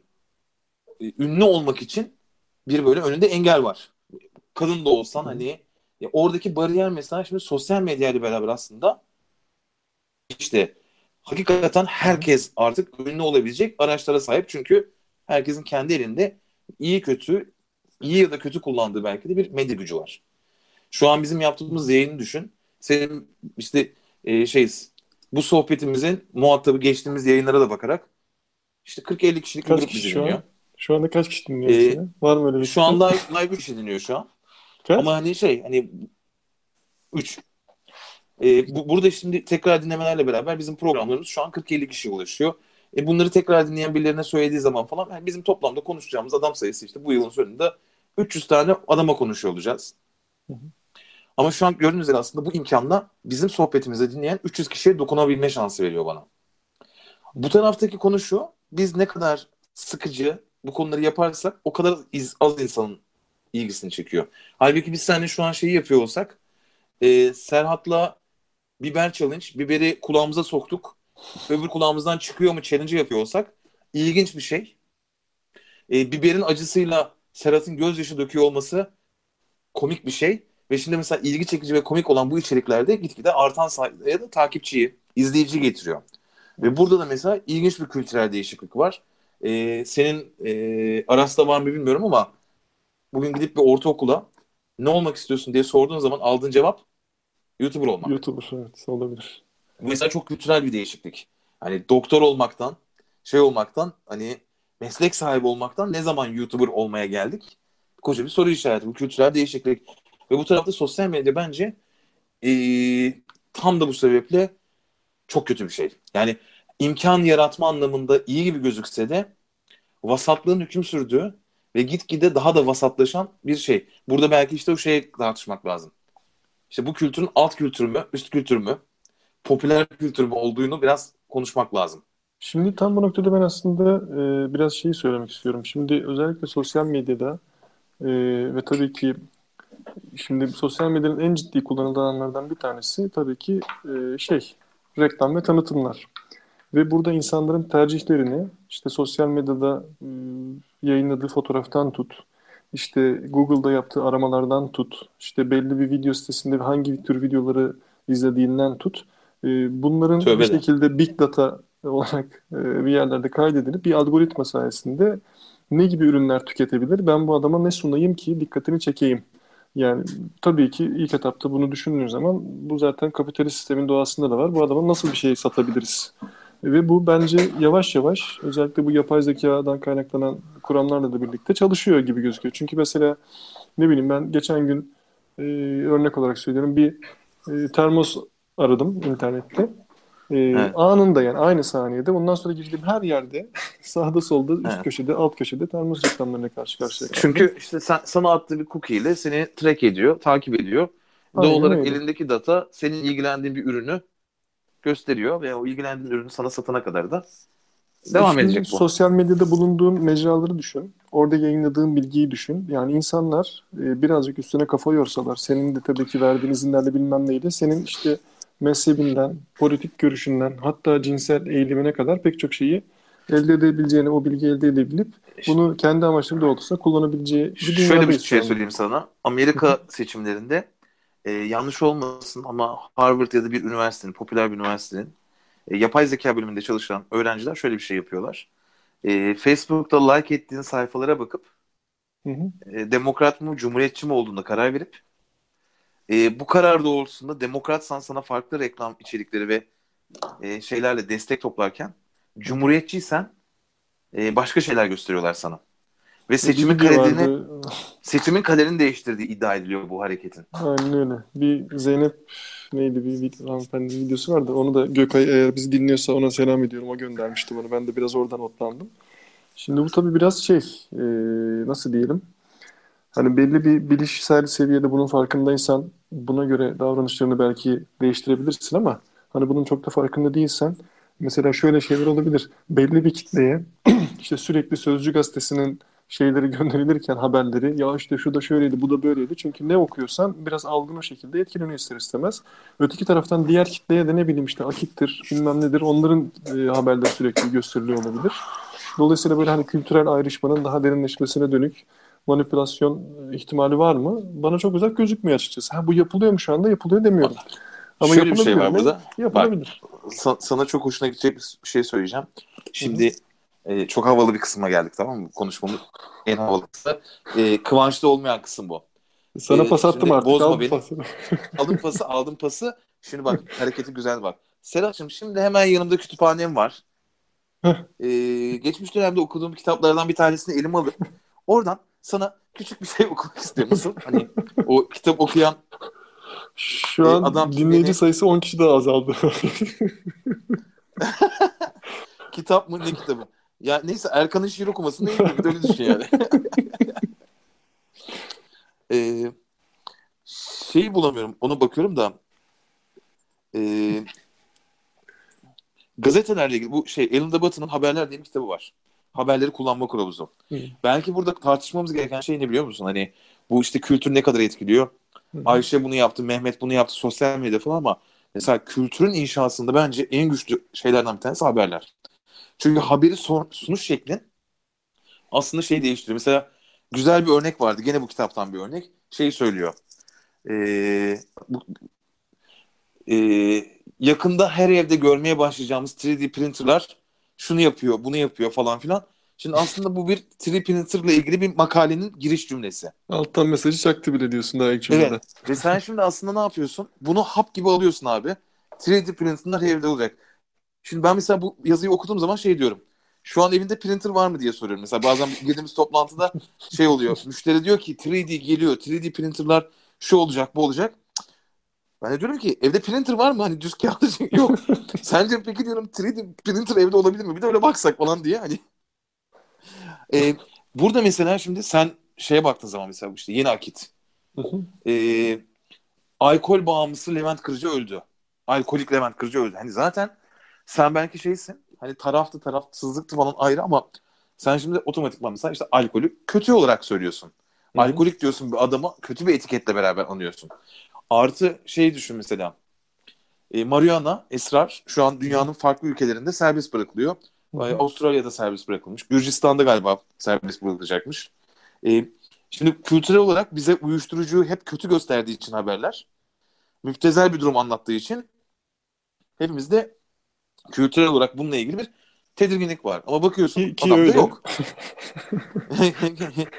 yok işte yani öyle diyorlar bende. Ya Şimdi şöyle bir şey var şey bence bulamadım. orada. Bazı şeyleri yasakladığın zaman onun kullanım oranı çok fazla azalmıyor. En azından kontrollü bir şekilde bunun insanlar müptelası olacaksa da biz bilelim gibi bir anlayış var anladığım kadarıyla. Çünkü bu eroinmanlar için de geçerli Kuzey Avrupa ülkelerinde. Hatta devlet onlara belli miktar eroin veriyor. Başka kaynaklardan almasın diye falan. Tabii bunları tasvip ettiğimiz için söylemiyoruz. Sadece farklı bakış açısını ortaya koymak adına söylüyoruz. Hani bir ara Okan Bölgen yapıyordu. Sigara çok kötü bir şeydir. Uyuşturucu çok kötü bir şeydir. Gerçekten de kötü bir şeydir yani. E, şu an bulamıyorum ama e, bu haberler kitabında biraz da böyle çünkü elimde hızlıca yetişmek için bakıyorum. Hı hı. Bir şey var. E, ilk gazeteler Fransa'da çıktığı zaman hı hı. buna itiraz eden bir adam var. İsmin sanki Guy bilmem ne bir şey. Guy Deport diyeceğim de o değil. Ve hani böyle şey yapıyor. Gazetelere karşı mücadele ediyor. Gazetelerin yayın yapmaması bunun yanlış olduğu ile ilgili. Hmm. Gerekçesi de şu özetlemek gerekirse şimdi bir yandan da bakarak bulmaya çalışıyorum. Şunu söylüyor mesela. Bugün ben, ben şey hatırlıyorum mesela benim üniversiteye gittiğim dönemde köye falan gittiğim zaman hı hı. okumuş adama bir saygı vardı mesela. Hani bu, bu adama şey yapıyordu.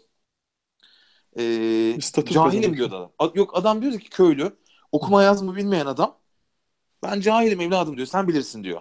Sen bana, beni hani şey yap diyor. Hı-hı. Bunu söylemesinin sebebi de temelde şu. E, okumadığı için cahilliği kabul ediyor. Bilgisizliğini kabul ediyor. Hı-hı. Hakikaten bilgiye karşı bir saygı duyuyor. Ama şimdi mesela şöyle bir şeye sahibiz. Gazeteler var. Televizyonlar var. Ve herkesin fikri var. Bak dikkat et bilgisi yok. Hı hı. Ama televizyon programında dinlediklerinden fikri var. Mesela şey e, Gökçeada'ya giderken hatta sizde de geyini yaptığımız konu. E, işte iki tane Gökçeada'nın köylüsü konuşuyor kendi arasında. Diyor ki bu işte Kim Jong bilmem ne Kore. Abi nükleer savaşta Amerika nasıl tir tir titriyor bu adamın karşısında. Öbürü diyor ki ya diyor bunlar çok güçlü abi diyor. Bak diyor ne yaptı diyor şimdi. Amerika baktı orada diş geçiremiyor. Şimdi PKK'ya silah veriyor. Şimdi şey diyorsun. Oradan oraya bu konuyu nasıl bağladın abi? Ben mesela şöyle bir test geliştirdim kendi adıma. Diyorum ki Kore'nin başkenti neresi? Biliyor musun? Kuzey Kore'nin. Pyongyang mıydı neydi? Atıyor muyum?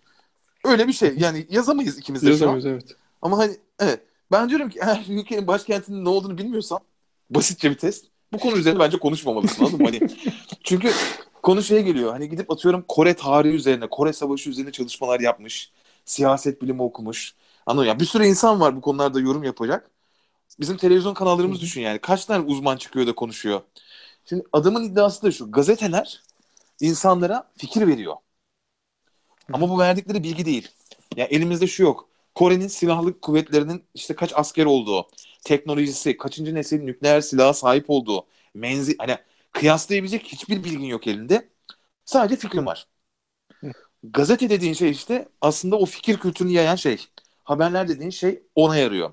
Ve bugün işte açıp A Haber izleyen adam bambaşka bir Türkiye'de yaşarken işte T24'ü okuyan, Sözcü okuyan, Cumhuriyet'i okuyan insanlar farklı bir ülkede yaşıyor. Yani ikisini böyle yan yana koyduğun zaman burada mesela belki işte sosyal medyanın yanında haberlerin kültürel değişimini de konuşmak yani en azından konuştuk zaten de hani değerlendirmek iyi olabilir.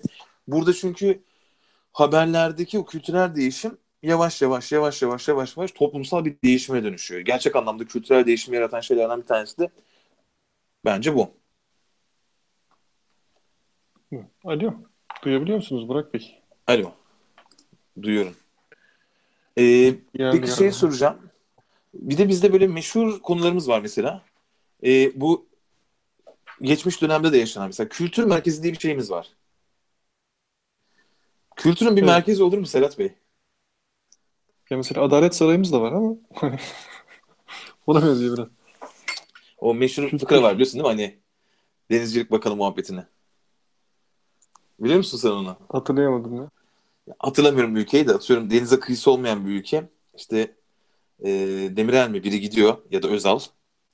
İşte şey diyor işte konuşuyor falan tanıştırıyor. İşte bu bizim diyor Adalet Bakanımız, bu işte Milli Savunma Bakanımız, bu e, Deniz Bakanımız falan diyor. İşte o da diyor ki bir dakika diyor sizin denize kıyınız yok hani deniz bakanı niye var falan. O da diyor ki sizde de Adalet Bakanı var hani biz bir şey diyor muyuz falan diyerekten. Böyle bir eski siyasi fıkra anlatılır. Şimdi mesela kültür merkezi ilginç bir dünya. Şundan dolayı bu aslında Cumhuriyet döneminde de var. Bir tanesi işte yeni yıkılacak. Yerine e, güzel bir opera binası yapılacak denen. Ki ben estetik olarak da fena yani şey olarak söyleyeyim. Bu konunun uzmanı olarak değil görsel olarak baktığım zaman da fena durmayan bir opera binası yapılacak gibi duruyor. E, ve bu tarafta da hani konu şey işte bir kültür merkezi var ve biz kültür merkezi yapıp işte binayı yaptığımızda aslında bir kültür şeyi yaratabiliyor muyuz? Değişikliği yaratabiliyor muyuz? Cumhuriyet dönemine baktığımızda aslında bu işte alt kültür, üst kültür dediğimiz dünya biraz burada devreye giriyor. Aslında bir entelektüel bir grup var burada şey yapmış. Belki bir yarı aristokrasi var hani şey olarak. Burjuva ile aristokrasinin karıştığı bir grup insan var. Burada bir üst kültür var. Ama bir taraftan da işte operaya kaç kişi gitmiştir bu ülkede? Operaya gitmeyi bırak önünden kaç kişi geçmiştir? İşte fazla say gibi bir değerimiz var. Fazla sayı kaç kişi demiştir ama bunu şey için söylemiyorum. Hani fazla sayı falan iyi, diğerleri kötü, eksik anlamında söylemiyorum. Ama bu iş biraz böyle işte devletin ya tiyatroları var. Kültür. Söyle söyle abi ben hani. Ee, bırak şey senin sesin gidip geliyor bu arada. Benim bağlantımda mı sıkıntı var çok emin değilim ama onu bir söyleyeyim sana öncelikle. Sen beni duyabiliyorsan problem yok. Ben seni yok. duyuyorum. Tamam. Yani şimdi kültür merkezi dediğimiz yerlere e, şöyle bir bakarsan Anadolu'da özellikle ne yazık ki bir kısmı e, hani e, bir bina var ortada. E, hani içinde böyle belki birkaç tanesinde hani birazcık hareket de var ama ben bunu birazcık şöyle değerlendiriyorum. Bizim özellikle spor ülke olarak e, bakış açımızın e, yeterli seviyede olmadığını düşünüyorum. Çünkü her bireyin e, bu şey olmaya gerektirmiyor. Hani belli bir gelir seviyesinde olmanı da çok fazla gerektirmiyor aslında.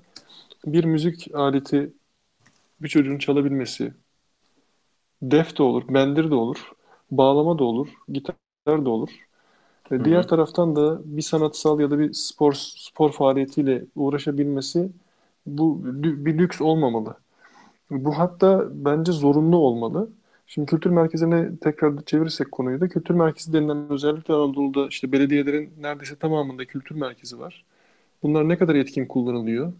Ee, ne kadar gerçek bizim kültürel faaliyet diyebileceğimiz, tabii ki burada kültürel faaliyetten hani birazcık daha işte sanatsal faaliyetler aslında bakarsan bahsediyoruz.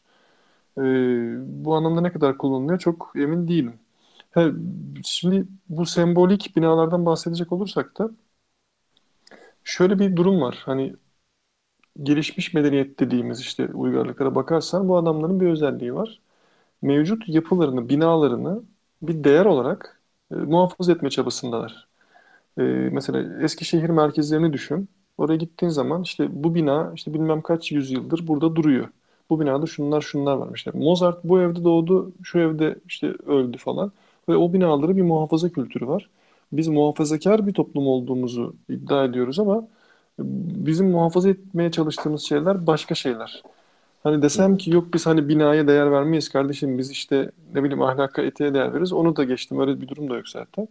Yani bazı değerlerin yani binaysa o korunması bana çok da mantıksız gelmiyor. Ha oradaki estetik e, yapıyı geliştirip üzerine bir şeyler yapıp normalde hani bir binanın bir betonun bir kıymeti yok özüne bakarsan bence. Ama onun şöyle bir etkisi var. Yani bu Cumhuriyet'in örnek olarak söylüyorum ilk yıllarına ait bir eser. Bu bir mimari bir düşünce, bir tarz işte içinde pek çok önemli etkinliğin yaşandığı bir bina olarak değerlendirirsen muhafaza edilebilir. Yoksa zaten yani yıkılsın yıkılmasın bir beton dediğim gibi. Orada hani Yok, ağaç olsa belki. Evet yani şey değil hani benim binanın yıkılması kalması ile ilgili değil de aslında Hı-hı.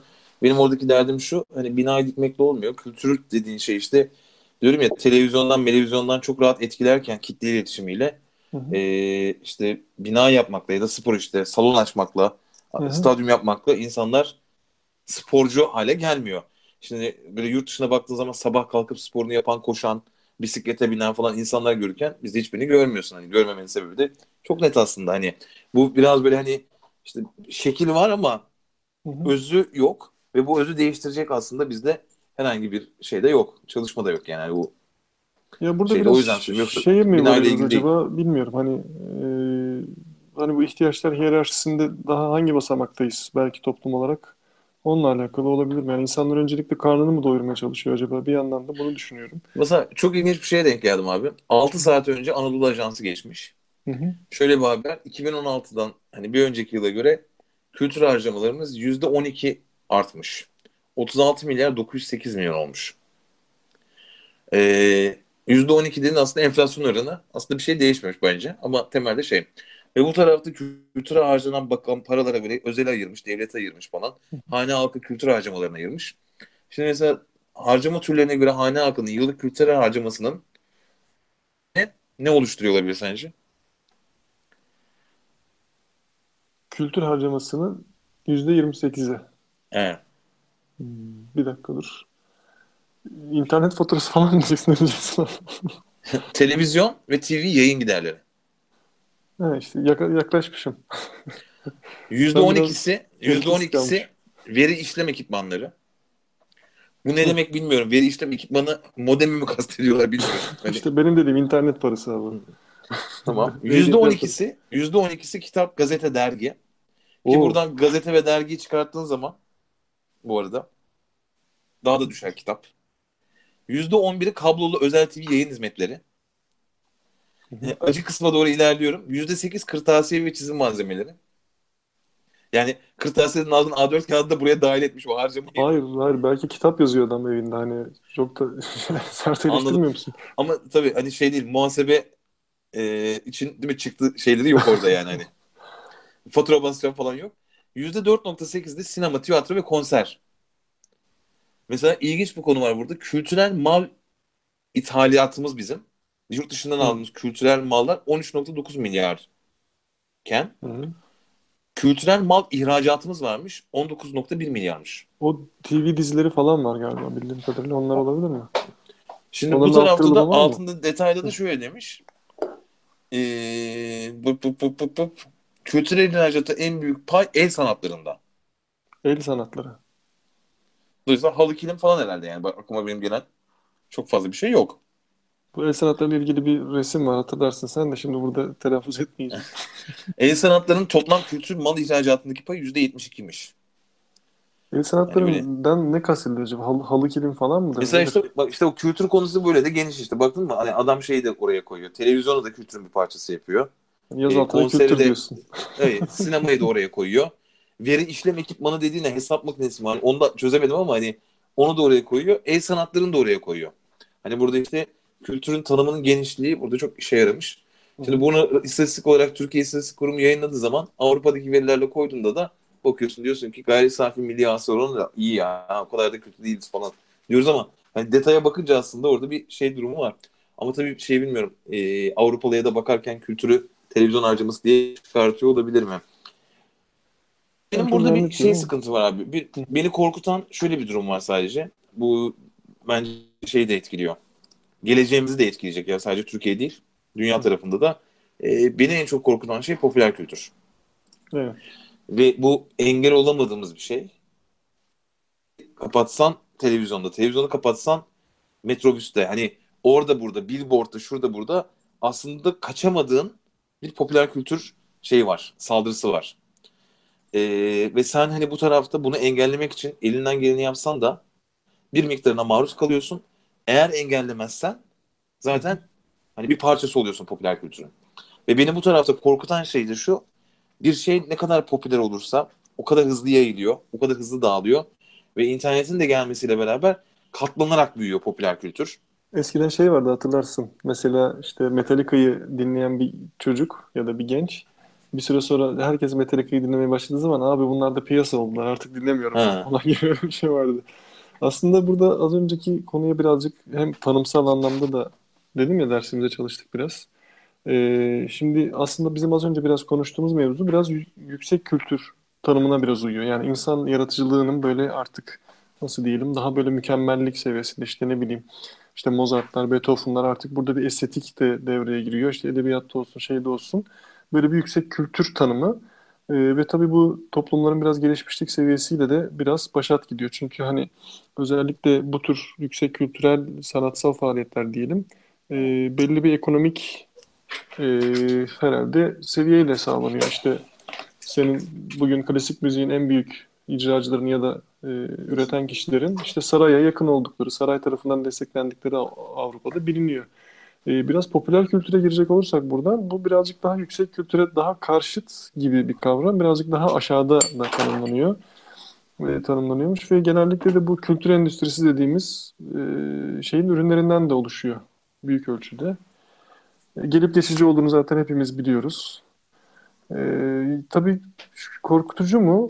E, bir kere şey vardı. E, bu şeyi hatırlarım ben çok ortaokuldaydım. Yonca Evcimik. İşte o zamanlar yeni çıkmıştı. İşte şey vardı. E, Oya Bora.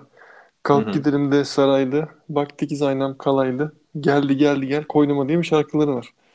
Hatta minderi kendinden yaylı diye devam ediyor.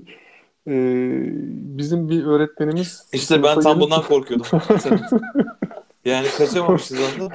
Korkulmayacak gibi de değil ama şimdi bak düşünüyorsun gelip geçici olması gerekirken benim mesela aklımın bir köşesinde duruyor bu. Ee, tabii şimdi biz bunu böyle sanki çok böyle eğitmişiz gibi eleştirme falan böyle modundayız ama e, bir taraftan da bu hayatın bir gerçeği. Ha şöyle bir durum var. Popüler kültür dediğimiz hadise özellikle e, nasıl diyelim e, yani kapitalist amaçlarla ortaya çıkan ürünler midir? Yoksa hani bugünkü medya işte ne bileyim bugünkü ticari ortam e, olmasaydı da böyle bir popüler kültürden bahseder miydik? Mesela bir köyde bir popüler kültür var mıdır? Ben de sana bunu sorayım. Bir kasabada popüler mesela şu mudur? Yeni bir işte kafe açılır. İnsanlar oraya takılır. Mesela bu da bir popüler kültür müdür? Yoksa biz burada popüler kültürden birazcık daha hani içinin boşaltıldığı ve birazcık daha amaca dönük olan, pompalanan bir şeyden mi bahsediyoruz sence? Ya burası çok karşılıklı birbirini besleyen bir durum bence. Ee, şöyle bir şey var mesela hani çok taze izledim mesela Wattpad diye bir uygulama var duydun mu? İçinde kitap Uygulamayı bir daha söyler misin? Wattpad. Wattpad. Her şeyde var. Wattpad Android'de var. Evet, evet biliyorum biliyorum. Hı. Romanlar Ama kullanmadım. Var. Herkes Hı. ücretsiz koyabiliyor falan. Mesela Hı. ben geçen denk geldim. Büşra Yılmaz diye bir kız var. E, TÜYAP kitap fuarında bir miktar insanın e, bu kızın kitaplarını imza atmak için şey yaptım. 1500-2000 kişi e, kızla kitap imza atmak için sıra bekliyordu. Hı hı. E, ve hani e, Büşra Yılmaz 93 doğumlu bir kız çocuğu. Hı hı. Edebi değerini olduğunu düşünmediğim ama okumadan ön yargılı davranıyorum. E, bir kitabı var. Şimdi baktığım zaman, Google'ladığım zaman e, kendisi Fox TV'de röportajlar vermiş, şey yapmış. DNR'da bestseller kitapları. Tamam mı? Yani şeye baktığın zaman da e, bu popüler bir kültür. Ve bu popüler kültürün neresinden ne oluyor, nasıl geliyor kısmı işte beni çok korkutan kısım. Ama sen şimdi bu kitabın özellikle... amcalar gibi oldun şimdi öyle değil mi? Ve, ok, bir okumak lazım. Ama şöyle ben birazcık bu tarafta baktığım için söylüyorum. Bu, bu kız üzerinde değil ama mesela şu an o tarafta ergenlerin her şeyi orada tükettiği bir dünya var ve içerisinde biraz da böyle şey tadında. Ee, işte yatmadan önce yüz fırça darbesi. E, Green'in 50 tonu. Ve hani bunlar ergen kız çocukların okuduğu popüler kitaplar halinde Wattpad'de yer alıyor. Hı hı. Ve bu tarafta e, hikayeler birazcık böyle şey mafyanın metresi. Anladın mı? Hani böyle popüler kitaplara falan baktığında da görüyorsun yani bunu. İşte aşiretten gelip de büyük şehire e, burada namus e, şey yaşayanlar, kültürel karışıklıklar ve bunlar şu an ergenlerin çok popüler okuduğu şeyler. Bu arada buradan e, çıkan kitaplardan dizi falan yapılıyor şu an. Yani bayağı işte bu popüler kültür hani özü gibi hani şeyin. Hı hı. Ben mesela şeye bakıyorum sıklıkla mesela YouTube'a girdim şu an. YouTube'un trendler sayfasına girdiğin zaman birinci tepede şey var. Beşiktaş maçı var. Okey. Altında YouTube'un geçen yılla ilgili en çok izlenen videoları var. Hı hı. Çukur diye bir dizi var. Şimdi dördüncü sırada 963 bin izlemeyle bir gün olmuş bak. 1 milyon kişi izlemiş bunu. İğrenç Pizza Challenge. Enes Batur'un videosu. İki altında mevzular var. 784 bin izlenmiş. Ee, iki altında O Ne Diyor'un YouTube kanalında Oğuzhan Uğur'la Pinç Eypo, Yavşör ve Susam var. Onun altında Orkun Aref araba çarpma sihirbazlığının sırrı var. İki altında ee, yok biraz daha altında çok özür diliyorum. İki altında değil. Ee, şeyler başlıyor. Türkiye'nin en büyük sandviçini yaptık. Yap Yap TV. Hemen altında devam ediyorum. Orkun Işıtmak var. Tamam mı? Porçay sizden gelenler var. Yeni ev turu yapmış. Yeni evine taşınmış Orkun galiba. 1 milyon görüntülemesi var. Ben ne oldu? Askeri lazer yapmış. Onu çekip koymuş. Ee, oha diyorum. İki gün önce koyduğu 500 bin izlenen videosunda tek lokmada yiyebilir misin deyip kim bilir neyi yemeye çalışıyor. Ve şimdi beni korkutan şey şu. Abi şu an içerik üretmiyoruz genel olarak. Şu an içerik sıçıyoruz. Ve gerçekten de bir kitle, gerçekten kalabalık bir kitle bu arada az bir kitle de değil. Buna talep yaratıyor. Burada ben şey ayrımı yapmak istemiyorum. Böyle elitist bir yaklaşımla ya bunlar tu kaka diyorum bu kısımda. Kakayı söylüyorum hani ama diğerleri daha üstünde için demiyorum ama ya bunlar aslında işte günün sonunda kültürel bir değişimin işareti. Mesela bunun şu çok an güzel bir alışkanlıklarımız değişiyor. Ciddi bir alternatifi var. Yani çok daha iyi yönetilebilir burası ya da çok daha iyi kullanılabilir. Sonuçta YouTube hani bir araç özünde baktığın zaman. Öyle ee, mi? Yani hani biz de çok mu iyi kullanıyoruz tabii. O da ayrı bir şey. Biz de kendimiz yaşadığımızca kendimizi tatmin ediyoruz burada da. Ee, mesela çok ilginç. Öyle senin de dönem dönem bizlerle paylaştığın e, yani o, izlediğin zaman inanılmaz seni derinden sarsan ve hani bir kafanda bir lamba yakan o kadar çok kanal var ki. Ya mesela hani ben e, şey müzikle biraz ilgiliyim. E, mesela müzik konusunda girdiğin zaman ses analizlerinden tut. E, ne bileyim işte enstrüman çalmanın tiyolarından tut. İnanılmaz böyle bir dünya var. Bu bir tarafta duruyor. Bir de şimdi senin az önce bahsettiğin var. Ya bu az önce bahsettiğin dünya kime ne vaat ediyor ya da ne sağlıyor? E, aslında insanlığın bence herhangi bir bireyin en önemli e, serveti zamanı.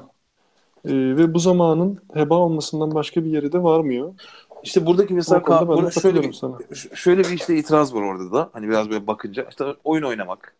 İşte bu hı hı. bizim çocukluğumuzda da oyun oynamak vardı. Evcilik oynuyorduk. Evet. Şimdi şekil değiştirdi. Hani daha teknolojik bir hale geldi.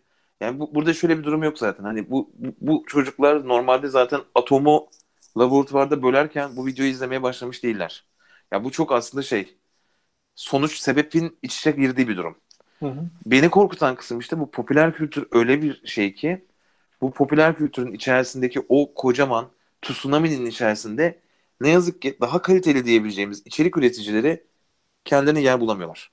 Yani YouTube'un algoritması, ödeme sistemi ne kadar çok izlersen, üzerindeki reklamlar ne kadar çok tıklanırsa o kadar çok para alıyorsun. Yani ben işim gereği de şimdi bu arkadaşlarla çalışıyorum. Yani bu çocukların takipçilerine bakıyorum, şeye bakıyorum. Yani düşünsene etkinlik yapıyorsun. Buradaki popüler YouTuber'lardan bir tanesine gel diyorsun. Adam diyor ki 40 bin lira. Ne yapacaksın? Geleceğim. Kaç kişi gelir? Ben diyor abi diyor AVM açılışına gidiyorum diyor.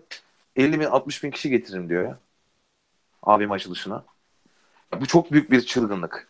Ve burada bir şey tarafı var. İşin kötü tarafı diyorum ya bu, bu kolay bir şey. Bir kamerayı açıyorsun. Yaptığın tek şey saçmalamak.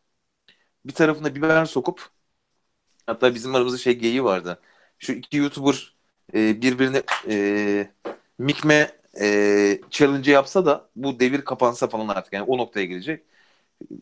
Bu gözler neler gördü kısmında gerçekten sana anlatamayacağım şeyler gördüm yani YouTube'da. Şey ben o kadar hani, yetkin ve etkin değilim YouTube'da. Ve şimdi hani şey kötü. Ya bu arkadaşlar izlenme üzerinden para kazanıyorlar. Hı hı. Bu iyi bir para bu arada kazandıkları para. Artı markalardan işbirliği yapıp daha da iyi para kazanıyorlar. Ve hani bu kazançla beraber kendi kanalları için bu defa daha iyi prodüksiyonla daha saçma şeyler yapıyor. Çünkü burası şey ne kadar saçmalarsan buradaki şeyi ne kadar uç noktaya taşırsan aslında o ilginçlikten dolayı o kadar çok izleniyorsun. Şimdi bu taraftaki konu beni o, o anlamda korkutuyor. Ve şimdi biz, burada ben burada çok özür dilerim bana gireceğim. Ee, senle konuşmuştuk belki bir ara bunu ama e, hani yüzyıllar öncesinden hatta milattan öncesinden bir yazıt bulunuyor. Yazıtın ana fikri şey, ne olacak bu gençliğin hali? Şimdi biz de ya yaşlanıyoruz. Yaşlanıyor. İşte bak benim orada ta- takıldığım kısım şurası abi. Yaşlanmak kısmı da var belki de hani bakış açısı olarak da. Ama şöyle bir durum da var. Şu an şimdi ben bir çocuğa e, ya bir tane işte su 100 derecede kaynar videosu var. Bir karşılığında da 100 derecede kaynayan suya elimi daldırdım videosu var. Anladın mı? Yani bu, işte bu çok haksız rekabet anlıyor musun? ya bu haksız rekabet karşısında bana sorarsan işte bilim, sanat, kaliteli içerik çok daha az bir kitleye gidiyor. Buranın kötü kısmı bir de şu. Bu kültürü konuşuyoruz ya işte bu daha önce de konuştuğumuz şey yani. Hı hı. E, bulunduğumuz kabın şeklini almakla ilgili. Hı hı. Eğer ben yarın okula gittiğimde her Orkun Işıtmak'ın yaptığı yeni videoyu konuşuyorsa ben ona e, dün evrim teorisiyle ilgili öğrendiğim yeni bilginin okuldaki gittiğim arkadaşlarda hiçbir karşılığı yoksa ben Orkun Işıtmak izlerim abi. İsim verme bu arada ya. Kötü... Hani... Yok Orkun Işıtmak iyi bir çocuk bu arada. Yani Orkun Işıtmak dünya tatlısı bir insan. Yani ben çocuğun özüyle ya da yaptığı şeyle ilgili bir problem olduğu için söylemiyorum. Bunun ya bu gerçekten bu arada Orkun Işıtmak üzerine söylüyorum. Bu çocuk falan gene eli yüzü düzgün daha görece iyi içerikler yapıyor. Yani bunun şey sınırı yok abi hani uçta yapılan şeylerin sınırı yok. İnsanlar işte intihar ederken bile videolarını koyuyorlar artık. İzlenmek evet. istiyorlar. Hani sınırı olmadan bir yere doğru gidiyoruz ve korkutan kısım şu. İyi. Eğer bu popüler kültür böyle tsunami gibi devam edecekse e, gerçekten şimdi Aras e, sence bilim videosu izlemeli mi? İzleyecek bu arada Aras. Çünkü babası takdir edecek. Çocuk onayını oradan alacak. Yani baba biliyor musun işte kaplanlar şunu yapıyormuş söylediği zaman aferin oğlum bunları izlemelisin deyip takdir gördüğü için bunları yapacak ama biraz daha büyüyüp ergenliğe girdiği zaman çocuğu kaybedeceğiz. Çünkü karşısında ertesi gün okuldakilerin konuşacağı saçma sapan başka bir şey olacak. Yani şöyle bir durum var Burak. Ee, sen içimizdeki en liberal arkadaşsın. Neydi bizim ekonomide? Lösefer miydi? Bırakınız yapsınlar, evet. bırakınız geçsinler. Çünkü e, yani şu an öyle bir mec- mecra ki burası. E, sanıyorum bunların yaşanması gerekiyor ki e, yani belli bir düzen olsun. Çünkü e, yani bunlar olmadan belki daha kıymetlilerin kıymeti anlaşılmayacak bilmiyorum. Çünkü insanda bir aydınlanma noktası var. Bunu mesela mesela cep telefonları için de dönem dönem yaşadık. Ben bunu e, bir dönem İzmir'de internet kafe işletmeciliği yaptık. Yani ben daha liseden yeni mezun olup üniversite sınavlarına girmeye çalıştığım dönem. İzmir'in ilk birkaç internet kafesinden bir tanesiydi bizimkisi. Şunun farkına vardım. İnternet ortamına oturduğun zaman e, inanılmaz bir vakit kaybediyorsun. Aynı şey aslında bilgisayar oyunları için de geçerliydi. Çok heyecanlandırıyor. Seni içine alıyor. O dünyada olduğunu varsayıyorsun. Böyle çok belki sana bir şeyler de katıyor olabilir. İşte el göz koordinasyonu bilmem ne falan filan. Ee, yani, yani koyuyorum. Yani çocuklar, bazıları çocuklar için şey olabilir. Onu da attım bir köşeye ama inanılmaz bir zaman kaybı. Ve bunun bir yerde e, algılanmasını umuyoruz tabii ki. Herkes Şimdi orada da işte konu şey geliyor ya. Yani çocuk bunu yapmasa kitap okumayacak zaten. Hani burada konuştuğumuz, yarıştığımız şey YouTube'daki bu şeyin karşılığı televizyon. Yani çocuk normalde de o zaman bu olmasaydı, elinde cep telefonu olmasaydı zaten televizyon izleyecekti. Ama buradaki kritik konu işte bu kültürel farklılık oradan geliyor. Yani o işte e, Amerika o anlamda bize çok benzeyen bir ülke. Televizyon izleme alışkanlığı ve benzeri şeylerde. E, be, beni orada işte korkutan kısım da o. Yani gitgide böyle Orta Amerika'ya doğru şey yapıyoruz. E, mesela kültürel anlamda bu bilimin geçerliliğinin olmaması. Yani şu an mesela şey beni korkutuyor. E, benim o bilim takıntımı biliyorsun ispat hı hı. E, evet. ve tartışmalardaki sözde bilim konularının özellikle. Ya adam adam işte astroloji yani televizyonda popüler olduğu için çıkan bak şeyi gördüm ya. Bu gözden neler gördü diyorsun. TRT'de adamın bir tanesi şunu yapıyordu. E, kan grubuna göre diyet önerisi yapıyor.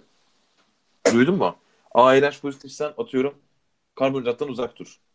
Sen B, e, B negatifsen e, üzüm yeme falan diyerekten. Ben kan grubuna göre karakter analizini görmüştüm bundan yıllar önce. Ama diyeti görmemişim. Evet diyet yapıyor. Bu arada adam kim biliyor musun bunu yapan? Kim? Hmm, doçent doktor ama tarihçi. Ve bu adam TRT'de programda konuşabiliyor. Artı devam ediyorum. Şeyi söylüyor falan böyle. ARH pozitif, erkek sana ARH pozitif. E, atıyorum elma yeme diyor mesela. Niye biliyor musun? Çünkü Hazreti Adem ARH pozitifmiş. Ya nereden buldun da ARH pozitif olduğunu ölçtün? Hani Böyle bir saçmalık olabilir mi? Yani Hazreti Adem'in kan grubu yani vardıysa da hani ben olduğuna inanmıyorum. Vardıysa da kan grubunu kim ölçmüş de yazmış bir yere. Ve şimdi dediğin bu şey için de geçerli. Canan Karatay. Canan Karatay dediğin insan bir bilim düşmanıdır. Elinde hiçbir çok, hiçbir çok veri olmadan veriyorum. Canan Hanım bağlansın yayınımıza. Arası bağlansın Cevap hakkı oldu şu an. Canan Karatay üç tane fazla kitap satmak için acımadan Tamam mı? Bilim o diplomasını e, şey yapıp yakıp bana sorarsan parçalayıp e, ait olduğu e, şeyi kullanıp title'ı kullanıp kitap satma, programa çıkma, buradan para kazanma derdine düşmüş bir insandır. Yani şey çok saçma abi. İşte zeytin yiyin. Abi sen elinde 100 kişiye zeytin yedirip kolesterolünü ölçüp 100 kişiye zeytin yedirmeden kolesterolünü ölçüp yaptığın bir çalışma var mı? Yok. İşte bence lahmacun yenebilir. Lahmacun çünkü iyi. Niye? Çünkü soğan var falan. Hani böyle hiçbir bilim şeyi olmuyor. Ve şimdi bunlar popüler abi. Yani şu an tabii şöyle bir noktaya geliyor. Canan Karatay'ın katıldığı program izleniyor. Ender Saraç'ın katıldığı program izleniyor. Yani bu Ender Saraç bu tarafta aralarında gene çok bilimsel kalan bir adam. Hani hı hı. Ama şimdi beni korkutan şey bununla birilerinin mücadele etmesi gerektiği. Çünkü işte kadının söylediği yalan. İnsanların hayatlarıyla oynuyor. İnsanlar bu insanın title'ına bakıp buna inanıyor. Ve popüler olduğu için de haklı. Yani şimdi beraber çıksak bir programa ben desem ki Canan'ım bunların bir şeyi var mı? Diyecek ki ben profesörüm arkadaş böyle gö- göğsüne vura vura. Diyecek ki bu iş böyle. Ve ben bir programda karşısına çıkma şansını bulurken kendimde kendisi 300 program dolaşıp haber bültenlerine dahi çıkıp bu böyledir diyebilecek. E şöyle beni korkutan hani kısım bu. İsimleri ben şey yapıyorum. Herkesi tenzih edip söylüyorum. Televizyona çok çıkan birisiyle televizyona çıkmayan birisini aynı programda yan yana koysan televizyona daha çok çıkan kişi daha fazla itibar görür gibi bir yere vuruyor evet. baktığın zaman. Evet. E bu hoş değil tabii. Popülerlik çünkü işte popülerlik artı ün buna hani ün denebilir bir şey olarak toplumda bilinmenin de getirdiği bir şey. Bir ayrıcalık getiriyor. Yani ünlü olmak aslında bir ayrıcalık. Gittiğin restoranda sana verdiği hizmetle bana verdiği hizmet bir garsonun aynı olmayacak yani şey. Ünlü birine verdiği hizmetle sana bana verdiği hizmet aynı olmayacak. O bile hani e, biz restoranın birine gidip sıra beklerken Aa Ahmet Bey buyurun lütfen deyip mesela Ahmet Bey'i ön alacaklar. Hani hı hı. bir ün durumu var. Ve işte kötü kısmı e, bir tarafına bir şey sokup e, ağzına biber sokup diyeyim e, ünlü olmuş birinin e, toplumsal açıdan prestij görüyor olmasını ben anlayamıyorum.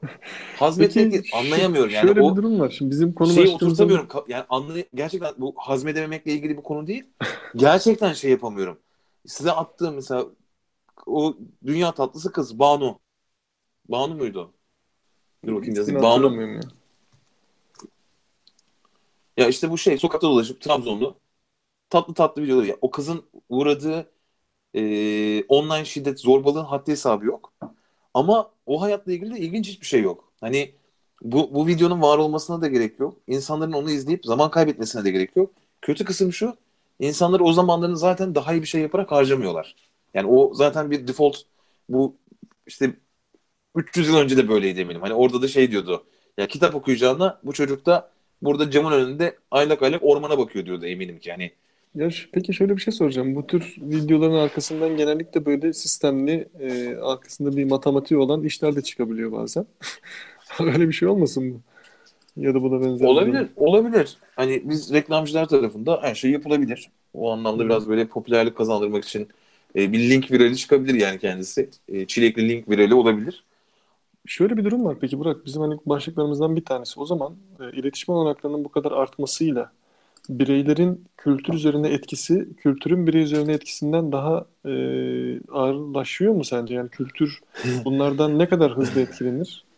İşte ben burada şöyle bir tanıma geçmek istiyorum. Senin başta yaptığın tanıma. Ya ben bunu bir kültür yani o anladığımız anlamda kültürün içerisine koymak istemiyorum bunu.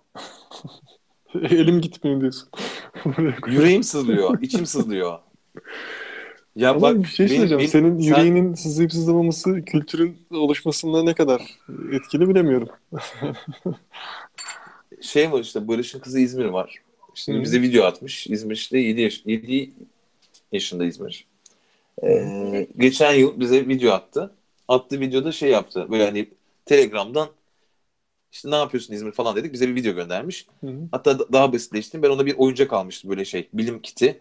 İşte hmm. birleştiriyorsun, elektrikli motor yapıyorsun, falan, araba yapıyorsun falan gibi bir şey. Hmm. Onu yapmış. Babasıyla beraber yapmışlar. Heyecanla hemen bir video çekmişler bana. Bak video şöyle başlıyor. Arkadaşlar kanalıma hoş geldiniz. Babamla falan diye başlıyor. Arkasından video şöyle bitiyor. Kenarda elinde böyle köşeye tutarak kanalımı takip etmeyi unutmayın. Hoşça kal Burak diye bitiyor.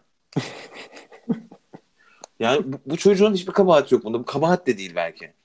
Ama işte o içerik o kadar ilgi çekici, o kadar tekrar izlenebilen, o kadar e, benzerleri yapılan içerik ki. Ya burada işte çocuğun ilgisini şimdi de mesela ne yapacaksın? Bu çocuğa otur ders çalış diyeceksin. Ödevim var bitti mi diyeceksin. Nasıl yapacaksın Serhat? Ya o yüzden burada bir beni korkutan gelen tsunami şey kısmında geçtim. Popüler kültür, yok elitim aman işte niye bu insanlar operaya gitmiyor da bunları izliyor. Hani o, o kısımda değilim. Şu an buradaki konu bir çocuğun dikkati. Hı hı. Bu çocuğun dikkatini şu an bu kadar ilgi çekici, eğlenceli şeylerden alıp da ne olursa olsun ders gibi sıkıcı bir şeye vereceksin. Bunu yapamadığımızda da neyi kaybedeceğiz? Bilimi, e, gelişi, gelişmeyi, çalışmayı, hani öğrenmeyi, birey olmayı. Ya bunların hepsini böyle kaybettiğimizde toplum olarak söylemiyorum o yüzden problem. Yani bu Amerika'daki çocuğun da problemi. Çok ilginç mesela e, gruba attığımı bilmiyorum ama mesela Bill Gates ve e, Steve Jobs çocuklarına tablet dahi vermiş. 14 yaşına kadar cep telefonu almamış. Bu şu demek değil. öyle okullar var ya çocuklar. Evet. Evet, ya bunun doğru olduğu anlamına gelmiyor. Bununla ilgili ben de şeye girmek istemem. Hani Steve Jobs yaptığı için doğru kısmı Canan Karatay'dan farkı yok yani. Ya bununla ilgili bir bilimsel çalışma var mı bilmiyorum. Ama hani sonuçta şey bu örneği veriyorum sadece.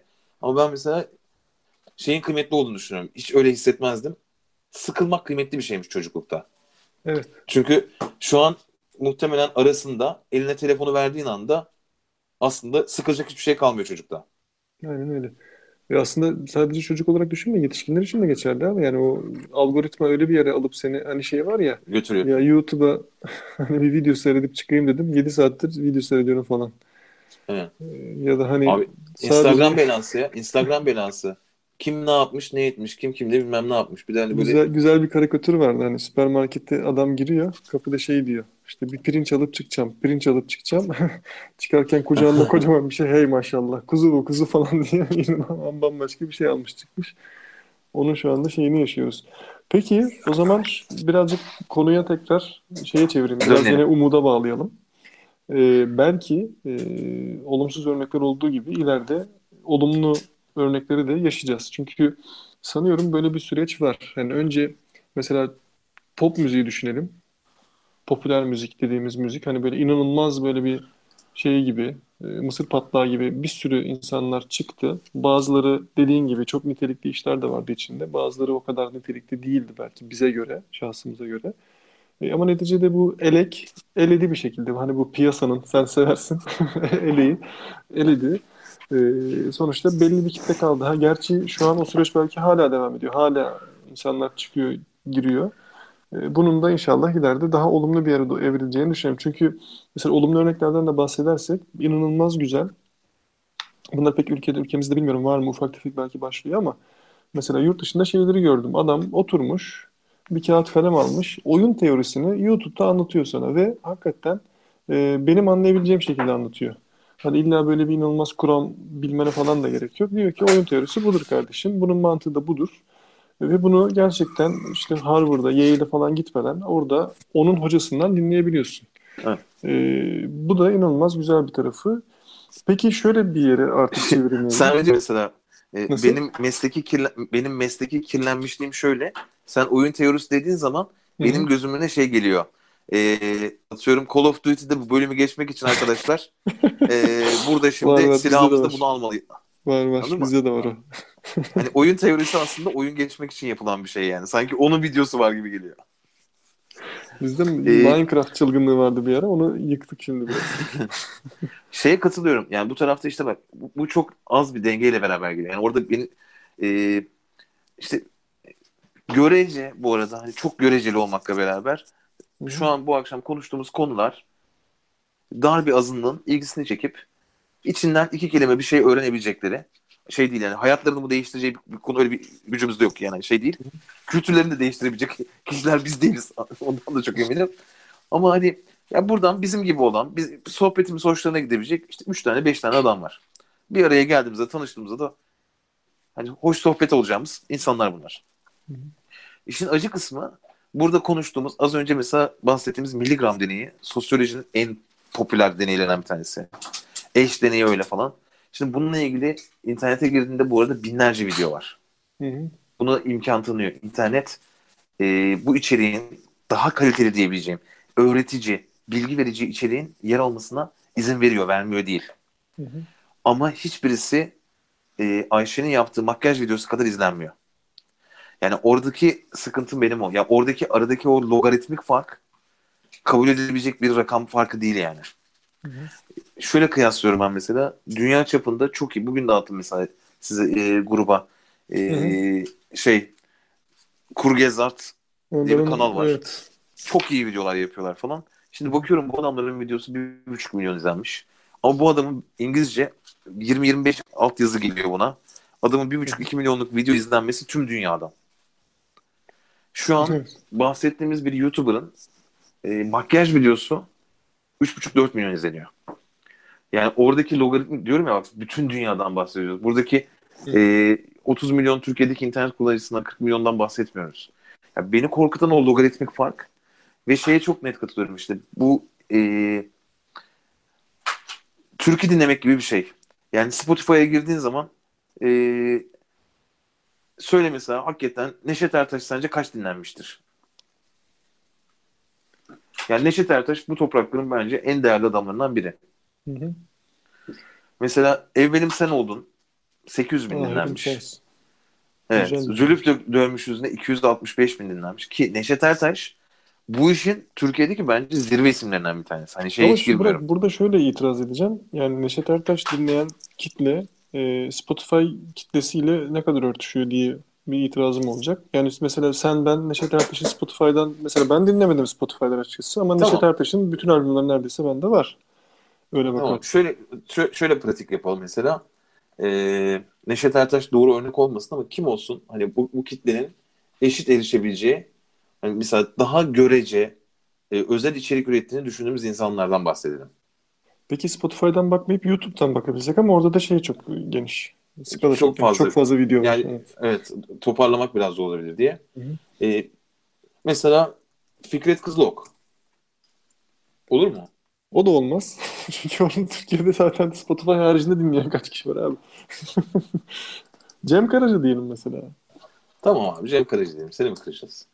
Cem Karaca'ya geldin abi. Cem Karaca'nın en çok ama en çok dinlenen eseri 1 milyon 909 bin izlenmiş. O da tamirci çırağı falan mı? Deniz üstü köpürür. Deniz üstü köpürür. Tamam mı? Ve şimdi bunun karşılığında ee, neyi koyalım karşılığına? Bilmiyorum. Eleştirme dozuna göre sen koy. Eleştirme dozuna Murat Boz koyalım. Hiçbir şarkısını bilmekle gurur duydum. Murat Boz'un bu taraftaki dinlenmesi Janti diye bir şarkısı varmış. Duymamıştım hiç. 5 milyon 700 bin. Burada konuştuğumuz bu arada Spotify kitlesi için söylüyorum. Bu arada bunlar Hı-hı. premium üyelerin dinlediği rakam. Şey açısından. Hı. Ee, Parayı veren abiler mi? E, yani seç, yani bir albümün içerisindeki şarkı dinlemek için para vermen lazım. Hı Şeye hiç girmiyor mesela işte Murat Boz yazıp YouTube'daki videoya baktığım zaman çıkabilecek sonuç beni çok korkutuyor mesela. Bak mesela bu, bu yılın Türkiye'de en çok izlenen videosu neydi biliyor musun? Bütün yıl boyunca en çok izlenen video. YouTube hmm. çok tatlı Rewind diye bir şey çıkarttı. Ee, her yıl Aralık ayında en çok izlenenleri dünya çapında çıkartıyor. Hmm. 2017'de Türkiye'nin en çok izlenen videoları hazır mısın? Hazırım. 61 milyon izleme. Ne olabilir sence? 61 milyon. 61 milyon. Dur ya. Çok zor sordun. Ben söyleyeyim abi hiç zorlamayayım seni. Recep İvedik 5'in fragmanı. 61 milyon. Peki ben bilmiyorum. Sen biliyorsan söyle cahilliğim tamamen. Rain Man. Duydun mu? Yani bizim, Lil Bilge Lil Bege ile benim duyduğum Rain Man olmasa gerek herhalde. Evet. Şu videonun altında şöyle yazıyor çünkü. Bugün sosyal medyada rahatsız olduğumuz şeyleri kendi tarzımızda dile getirmek için, yanlış anlaşmanın önüne geçmek için biz rapper değiliz falan diye böyle bir içerikle şarkı paylaşmışlar anladığım kadarıyla. Rain Man feat Lil Bege. Türkiye'de en çok izlenen ikinci video kendisi. 43 milyon. Adını bile duymamışsın Serhat. Enes Batur. e, YouTuber'ların düşüşü. Despacito diye parodi, parodi yapmış. 33 milyon. Orkun Işıtmak 26 milyon. Yorumları şarkı yapmak. Mesela Berkcan Güven diye bir şarkıcı duydun mu? Duymadım. Şarkıcı olduğunu düşünüyorum. milyon izlemesi. Bu bir Nasıl? tane tekil videodan bahsediyoruz değil mi? Kanaldan değil. Evet. Aynen. Tekil video. Güzel orada feyz alınacak şeyler var. Bizim şu an toplam dinleyici sayımızın 55 olduğunu düşünürsen. ya hadi bizi geçtim. Hani diyorum ya mesela kaliteli içerik üreten tamam mı? Bir, birini söyle mesela. Yani... Ki o biz değiliz. ya işte hani kültür diyoruz ya mesela. Kültür ve sanatla ilgili, gerçek anlamda sanatla ilgili. Hani ne olabilir mesela? Ve mesela Fazıl Say'ı İstanbul Şu an Say'ı dinlemek lazım. Fazıl Say İstanbul Senfonisi. Ben de şimdi direkt Fazıl Say yazdım yani. Direkt yani Hı-hı. şey olarak böyle ayırt etmek için. 400 bin. Bence fena değil ya. İyi yani. Bence de fena değil yani. Ama bahsettiğimiz Ama dünyadan Fazıl dinleniyordur. Evet. Türkiye'deki rakam mı bu? Yoksa dünya Hayır, mı? Bu, bu dünya rakamı. Hmm. Anladın mı? Tüm dünyada fazla say 400 bin dinleniyor. O yüzden yani beni korkutan şey bu işte. Yani bu bu şeyin karşısında ve bir de şimdi şey düşün. Fazıl Say İstanbul Senfoni için koca bir senfoni orkestrasına ihtiyacım var. Hı hı. Burnuna biber sokmak için bir tane kamera yeterli. Bir de yani, biber lazım tabii. burada işte bir, biraz böyle beni, lazım. beni korkutan buradaki işte büyük fark. Ve bu işte yenemeyeceğimiz bir fark. Çünkü gerçekten şey demek değil bu arada. Fazıl Say daha iyi yaptığı iç, falan değil. O, o, o kısmı anlamakta çok zorlanıyorum. Hani bu arada fazla sahip ben de açık dinlemiyorum. Hani bu şey demek değil. E, diyorum yani biz dinliyoruz böyle müzikler falan. Niye insanlar böyle değil değil. Bu arada bu benim hanım Bak, dinliyormuş. Hemen. selam çakıyorum ben. Ben de dinliyorum arada. Bu arada bu arada canını sıkabilirim bu konuyla ilgili. Ee, Güz İstanbul şarkı. Senfoni ile ilgili. Yok İstanbul Senfoni'nin toplam izlemesi e, 400 bin dedim ya 5 yılda 400 bin. Video 5 yıl önce yüklenmiş. Serhat. hani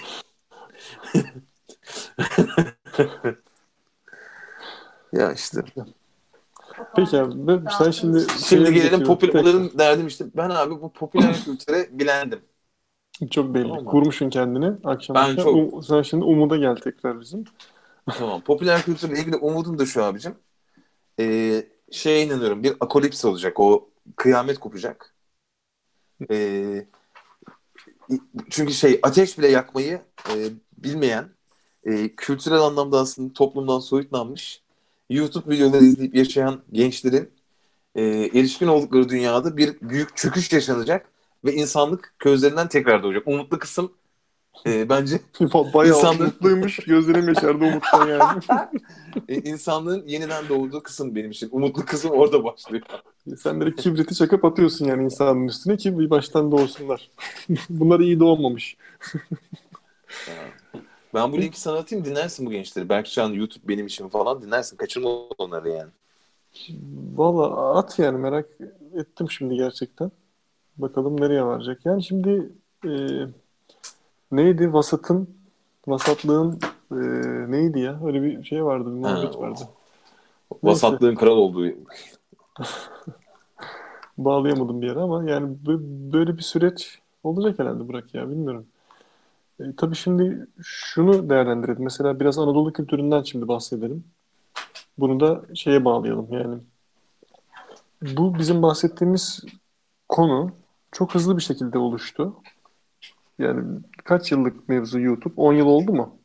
Böyle bu 2006. kadar olması. 2006 yanlış olmasın. Evet, Yok, iyi 2000, atmışım 2000, ama 2004 hani, galiba. Özür dilerim. 2006 Facebook, 2004 YouTube. Galiba. Ama hani hayatımıza girip işte ne bileyim internet hızlarının işte bu kadar hızlı olmadığı bir dönemde YouTube bu kadar etkin değildi. Türkiye üzerinde belki öyle söylemek lazım. E şimdi onlar da tabii ki her gün geçtikçe daha profesyonel bir e, anlayışa sahip oluyor bu tür siteler. E, ve bu platformun sağladığı olanaklar sayesinde inanılmaz bir şey oldu. Bombardıman oldu yani şu anda. Ee, çok büyük ihtimalle belli bir süre sonra inşallah umuyoruz bu bombardımanın bir tersine aynı Bitcoin'in çok hızlı yükselmesi gibi tekrar bir yerlere döner mi bilmiyorum ama e, bir dengeye oturur herhalde sistem ya. Çünkü bunu nereden Anadolu kültürüne bağlayacağım? Şimdi e, bizim yaşadığımız coğrafya bu anlamda belki çok şanslıyız. E, pek çok kültürün ya uğrak yeri olmuş ya doğmasına vesile olmuş. E, ve sonuçta bakiye kalan e, 100 birim kültürel tortu kaldıysa bunun söyleyebiliriz ki 95'i, 98'i, 99'u aslında şey e, olumlu diyebileceğimiz. Ki bunun içerisinde şeyleri de katıyorum. Yani birbirine isyan eden, birbirini yok eden kültürlerin dahi burada kattığı bir tortu var. E, ve onun bir billurlaşmış hali var böyle çok e, nasıl diyelim özelleşmiş bir hali var. E, bu değişmesi bence birazcık daha zor. E, ama tabii ki en son teknolojik gelişmelerle bizim bu bahsettiğimiz kültür kendi arasında bir şekilde çatışacak mı? Bu çok kültürlü yapı belli bir noktadan sonra tek kültürlüğe doğru gidecek mi? Onu biraz yaşayıp göreceğiz. Ee, hani teoriler var ya belki de dünyada bir tane devlet olacak, bir tane dil olacak. Ee, sence oraya mı gider? Yoksa bu süreç kendi kendini e, yine belli bir noktada dengeye getirir mi? Bir de bunu sorayım ya, sana. Ya bu tarafta bence şey, biz tabii biraz kendi kabımızdan bakarak buna, kendi kuyumuzun altından gökyüzüne bakıp konuşuyoruz Türkiye özelinde. Evet. evet. Yani aslında ben orada şöyle ters düşünüyorum seninle. Ben hani şeyin kültürel olarak bazı ülkelerin e, çok kültürlülüğü özendirdiğini e, ve bunu yaşatmak için devlet tarafından destek verdiğini ve bir toplumda bu anlamda bir hoşgörünün olduğunu, anlayışın olduğunu ve bunun kıymetli olduğunu görüyorum. Ee, bizde mesela son trend gereği bizde milli ve yerli hani o kalıbın dışında olmayanları e, milli olmayanları ötekileştirip bizi götürmek istedikleri bir tek kalıba doğru ittirdiğini düşünüyorum. Bizim ülke özelinde. Ama ben burada mesela teknolojinin düşünüyorum. İşte varsın bizi 50 kişi duyuyorsa da şu an işte dinleyecekse de totalde 300 kişi dinleyecekse de aslında işte bu kaydı yapmaya imkan tanıyor. Bu 50 kişiye bizi ulaştırıyor. E, 50 kişi ise 50 kişi yani bunun şey yok. Eğer bu imkan olmasaydı bu daha hızlı tükenecekti muhtemelen. Hani e, orada çünkü sadece televizyonun olduğu, gazetenin olduğu işte şimdi bile mesela işte haber konusunda e, otosansürün o kadar yer aldığı bir dünya var ki şey yapamıyor. O, o gerçek bilgi veri paylaşılamaz halde. Hı hı. E, dolayısıyla internet aslında bize bir güç veriyor. Şu an atıyorum işte e, basitçe hani Zarap davasını şu an YouTube'a videosunu yükleyip oradaki şeylerden Twitter'dan sanki oradaymış gibi anlık olarak takip edebiliyorsun. Kültür konusunda da böyle. Hani azınlıkların da kendi kültürlerini yaşatabilecekleri bir imkan vermesi kıymetli. Buranın tek korkutucu kısmı işte biraz şu anki ülkenin trendinden dolayı. Ama ben globale baktığım zaman belli açılardan teknikleştiğimiz dil olarak ya, bana sanki şey gibi geliyor. Türkçe yaşamaya devam edecek elbette. Ama İngilizce bir must olacak herkes için. Global dünyanın bir parçası olmak adına söylüyorum bunu.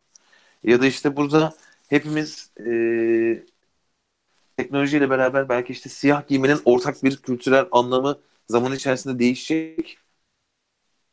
E, hala bir zeybek duyduğum zaman, bir davul duyduğun zaman, e, bir bağlama tınısı duyduğun zaman içinde o tınıyı, o şeyi, sızıyı hissedeceksin gibi geliyor.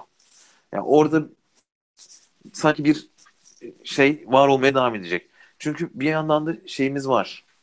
Ee, işte ne diyeyim kabile yaşamından gelen o toprak, köy, ya memleket dediğin şey hani globalleşme de olsa bilmem ne de olsa hala şu an devam ediyor. Ama tabii bu 100 yıl sonra ne olur hani ortada devlet kalır mı, millet kalır mı? O, o kuşak geldiğinde ne olur olarak söylemiyorum ama en azından önümüzdeki işte 20 yıl 30 yıl için diyebileceğim şey ya hakikaten hala o memleket dediğin şey var. Hala e, seni beni bağlayan bir toprak var. O kadar hani şey değiliz. E, globalleşen dünyanın yani bu Amerikalı içinde geçer. Yani o adam da where are you from diye soruyor. Yani o kültür olarak where are you from değişmiyor yani. Bazı şeylere ben şey gibi bakıyorum. E, kesin olacağını bilmemekle beraber mesela yaklaşık 2000 yıldır elimizde şu bilgi var. E, güneş dünyanın etrafında dolaşmıyor. Dünya güneş etrafında dolaşıyor. Biz hala güneş doğuyor diyoruz. Hani 2000 yıldır dilimizde bu değişmemiş. Hı hı. E, bütün insanlık yani şu anki tüm dinler için diller için İngilizce için de işte sun is rising diyorsun. Hı hı. Hani bazı konuların orada değişmeden aslında kültürel olarak dille beraber aktarılacağını ve aslında değişmeyeceğini düşünüyorum bazı şeylerin. Ama tabii bunlar gelecekle ilgili. Diğer Senin taraftan baktığında da şeyler var aslında. Ee, yani mesela kaybolan dünya dilleri var. Ee, ve burada bunu korumaya çalışan, muhafaza etmeye çalışan da bir yapı var. Yani bunun kıymetli olduğunu, hı hı. işte bu kabilelerin kendine has yaşam tarzlarının, tabii biraz antropolojik belki bakış açısıyla da bunu değerlendiriyorlar. Hani çünkü sosyolojiden önce antropoloji vardı sonuçta ve e, bu ilkel kabileleri e, belki biraz ayrıştırıcı bir şekilde farklı bir e, tür olarak değerlendiriyordu. Nereden geldi bu köken, nereden geldi, nereye gidiyor falan gibi. Aslında bu dillerin de kıymetli ol, kıymetli e, olduğu düşünülen bir bakış açısı da var. Ki ben işte ama şimdi şey var. Atıyorum Sümerce yok artık. Yani Sümerce evet, bilen evet. Sümerolog falan. Ama Oraya Sümerce pratikte zaten. yok. Mesela baktığın zaman e, Amerika'da da belki bir Indian, işte Kızılderili kültürü hala bir şekilde etkisi var ama hani kendisi kaldı mı? Dilleri hep bütün o klanların ya da işte kabilelerin dilleri kaldı mı? Büyük ihtimalle kalmadı onlarda. Ee, yani sanki ister istemez bu iletişim olanaklarında bu kadar artması bizi böyle bir yere sürüklüyor gibi duruyor. Ee, bu iyi midir? Yani çok da fazla varyasyon var, çok fazla çeşitlilik var. Nereye kadar bunlar birleşecek? Alt kültür belki orada şey olacak. Hani şimdi biz nasıl şu an Anadolu'da çeşitli çeşitli alt kültürlerden bahsediyoruz. Belki dünyada öyle bir yere varabilir. Olabilir de hani bunun sayısı azalacak gibi duruyor gittikçe. Burada bence kıymetli kısım ne kalacak biliyor musun Serhat? İşte o kültür tarafında biraz Anadolu kültüründe de hani bizim böyle konuşmamız gereken biraz bizim ihmal ettiğimiz YouTube'a çok takıldık biz. Ee, biraz da benim yüzümden. Benim yüzümden diye. Açaydım aslında kollarımı. Şimdi, ah, açaydım diyeydim YouTube'a gitme. yani aslında şöyle bir şey atladık bence. E, hikaye kısmını unuttuk. Yani aslında masaldır hikaye anlamında söylemiyorum.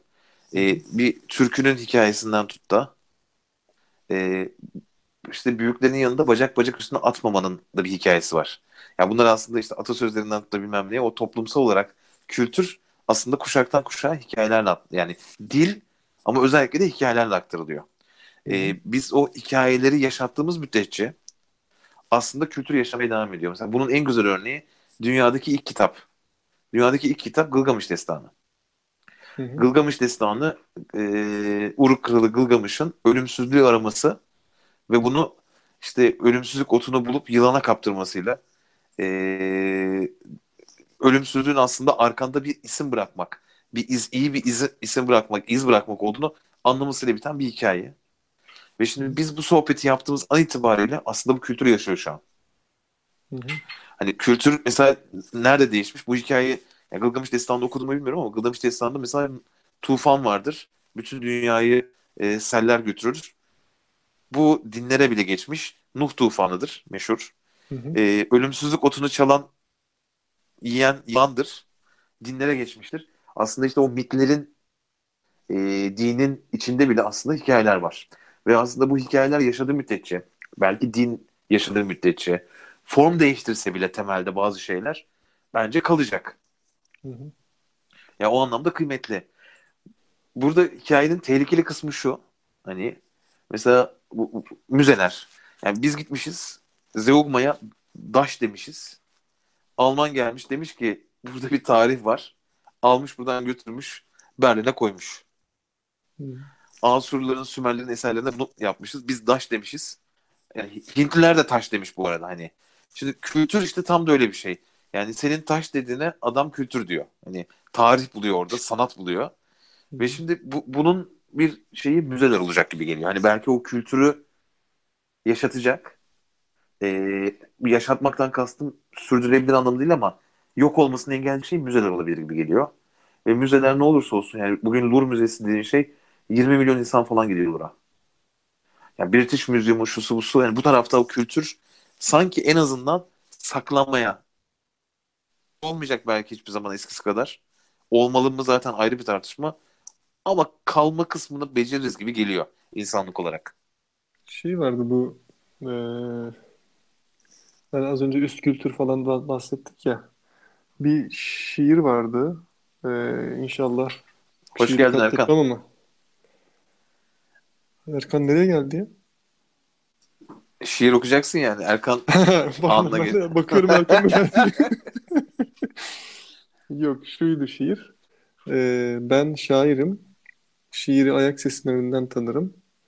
Ne zaman bir türkü duysam şairliğimden utanırım. Ee, kimin olduğunu hatırlamıyorum. Tam da böyle miydi? Onu da yarım yamalak hatırlıyorum. Şairinden özür dilerim. Burada şunu ifade etmeye çalışıyorum. Yani 600-700 sene önce... Yaz altında, yaz altında Yunus Emre kim bilecek ya? Yani 600-700 sene önce elinde bir işte at kılı işte bağladığı bir enstrümanı eline alıp duygusunu, hikayesini anlatan bir insanın hikayesi 700 sene sonra falan ulaşabiliyorsa dediğin gibi bu bir şekilde oluşması da kolay değil, yok olması da belki kolay değil. Bizim bunu da kurban etmememiz lazım. Belki şimdi birazcık da muhafazakar bir e, bakış açısı gibi yorumlanabilir. Ama hani e, bunun kıymeti olduğunu düşünüyorum ben gerçekten. Çünkü ama mesela şey sana da ilginç gelmiyor mesela. Muhafazakar bence çok doğru kelime. Orada bir aslında kastettiğin konservatif olmak, koruyucu olmak. Aynen öyle tabii. Mesela bana gelen işte ülkenin mevcut iklimini düşün. Hı hı. Aslında bunu bu kültürü muhafaza etmesi gereken adamlar muhtemelen bu kültüre en büyük zararı veren adamlar yani. Hani suçlayıcı olarak söylemiyorum. Çıktı olarak söylüyorum. Hani bu şey olarak değil. Kastettiğim hükümet, iktidar falan gibi birileri değil. Yani hı özünde muhafazakar olan insanlar yaşaması noktasında e, bu, buna şey yapmıyorlar. Mesela şey çok güzel bir örnek. Güzel demeyeyim yani nasıl diyeyim. Sen şey düşün. Alev, Alevileri düşün. Alevi kültürü. Hı. Aleviler genel olarak daha aydın, daha özgürlükçü, daha hoşgörü, daha geniş insanlar. Bu anlamda diğer mezheplerle kıyasladığında Alevi kültürünün o Anadolu kültüründe özellikle o yeşermiş Alevi kültürünün kendini koruması, devamlılığına bakıyorum. Diğer tarafta da e, bambaşka bir kültüre bakıyorum. Şimdi o, o adam o kültürü sürdürmüyor yani ilginç bir şekilde. Ya yani o kültürü oğluna nesline aktarmak kısmında çok da yok. Orada bir kültür e, gitgide o şey kısmı da nasıl de, de, daha iyi ifade ederim. Atıyorum Mevlana ise bir karşıt kültür bu yani karşıt değil yan kültür. Hı hı. Onun da artık bir şey kalmıyor hani ikonlaştırılıyor. İşte Döngel, işte Mevlana, Özgür yani şeydi falan. Ama onun mesela kendi hayatında bir şey yok. Ama bir Alevi'nin değişlerden çıkarttığı dersleri, hikayeleri, kendi hayatında taşıyamadığını ben mesela şey görmüyorum. Yani değiştirebiliyorsa birazcık Alevi kültürünün içindeyse yani ben bu insanların bu hayatında kültür olarak taşıdıklarını görüyorum. Hocam Ama... orada şöyle bir şey de olabilir mi Burak yani e, yani tarihsel olarak baktığın zaman e, belli anlamlarda e, diğer kültürler tarafından baskı altına alınan bunu ben Aleviler için söylemiyorum bütün genel için söylüyorum kültürlerin bu içine kapanıp kendini muhafaza etme çabaları belki onların daha uzun e, bir menzile erişmelerini sağlıyor. Örnek olarak söylüyorum. Bilmediğim, bilmiyorum gerçi ama atıyorum tamamen. Amerika'da bu şeyler var. Ee, Amish dedikleri tipler var ya. Evet, yani onlar evet. böyle tamamen köylü hayatı yaşıyorlar. Tamamen toplumdan Teknoloji yasak onlarda. Her şey yasak. Tamamen kapalı bir kutu. Ve belki bin sene sonra bu adamlar yine böyle yaşamaya devam edebilir. Çünkü kendilerine has bir yapıları var. Kendilerini koruma çabasındalar. Ee, evet, ama diğer tarafa bak, geçtiğin be, zaman koruma çabası yok. Ve benim takıldığım şey ne biliyor musun? Benim takıldığım şu an örnek vermekte zorlanmamın sebebi de o. Yani Hı-hı. Türkiye'deki muhafaza kitlenin geleneksel tarafı, kültür tarafı bana mesela bir Aleviler kadar zengin gelmiyor. Ben belki yani, ama bilmiyoruz ben belki. bilmiyor olamam ama ben Sünniyim. Öyle yetiştim. Hı-hı. Çevremde, ailemde ve benzeri şeylerde. Bu şu demek değil, ortada bir kültür yok anlamında söylemiyorum bunu. Hı-hı. Ama şimdi ilk aklıma gelen hani öbür tarafta atıyorum işte değiş varken, şey varken, oradaki bambaşka bir üretim varken, aşıklarıyla, şu suyla, bu suyla bu taraftaki kültür ve sanat üretimine baktığım zaman o anlamda kültüre şeyden bahsetmiyorum. Gelenek anlamındaki kültürden bahsetmiyorum. Öbür tarafta kısıtlanmış ve çok da aktarılabilmiş bir şey mesela benim aklıma çarpıcı gelmiyor.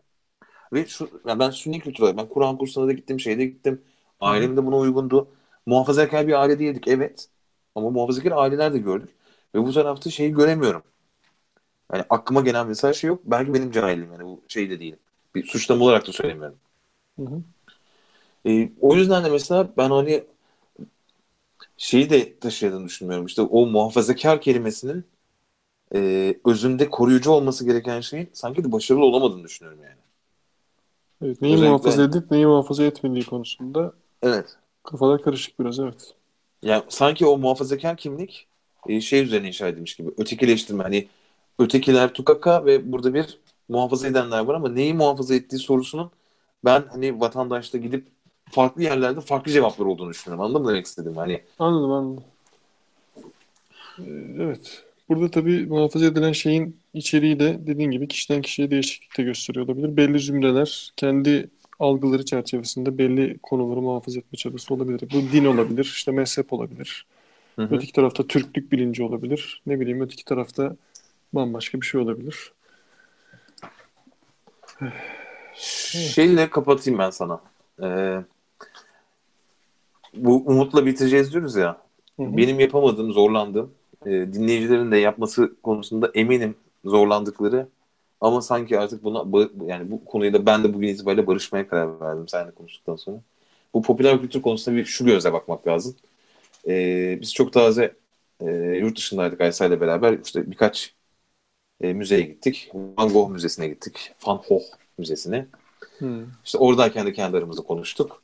Şimdi Van Gogh'un sanatı şu su bu su böyle konuşuyoruz ediyoruz ama işte adamın popüler olmasının tek bir sebebi var. Yani atıyorum e, Monet de meşhur hı hı. ama Van Gogh daha meşhur. Monet hangisi daha iyi için bir ayrım olmamakla beraber. Hı hı. Yani sanat bu çok böyle biraz daha öznel bir konu olduğu için söylüyorum. Şimdi kulağını kesmiş olması adama bir hikaye veriyor. Yani olduğu zaman popüler kültüründe bir parçası oluyorsun. Şu an şeyi düşünsene.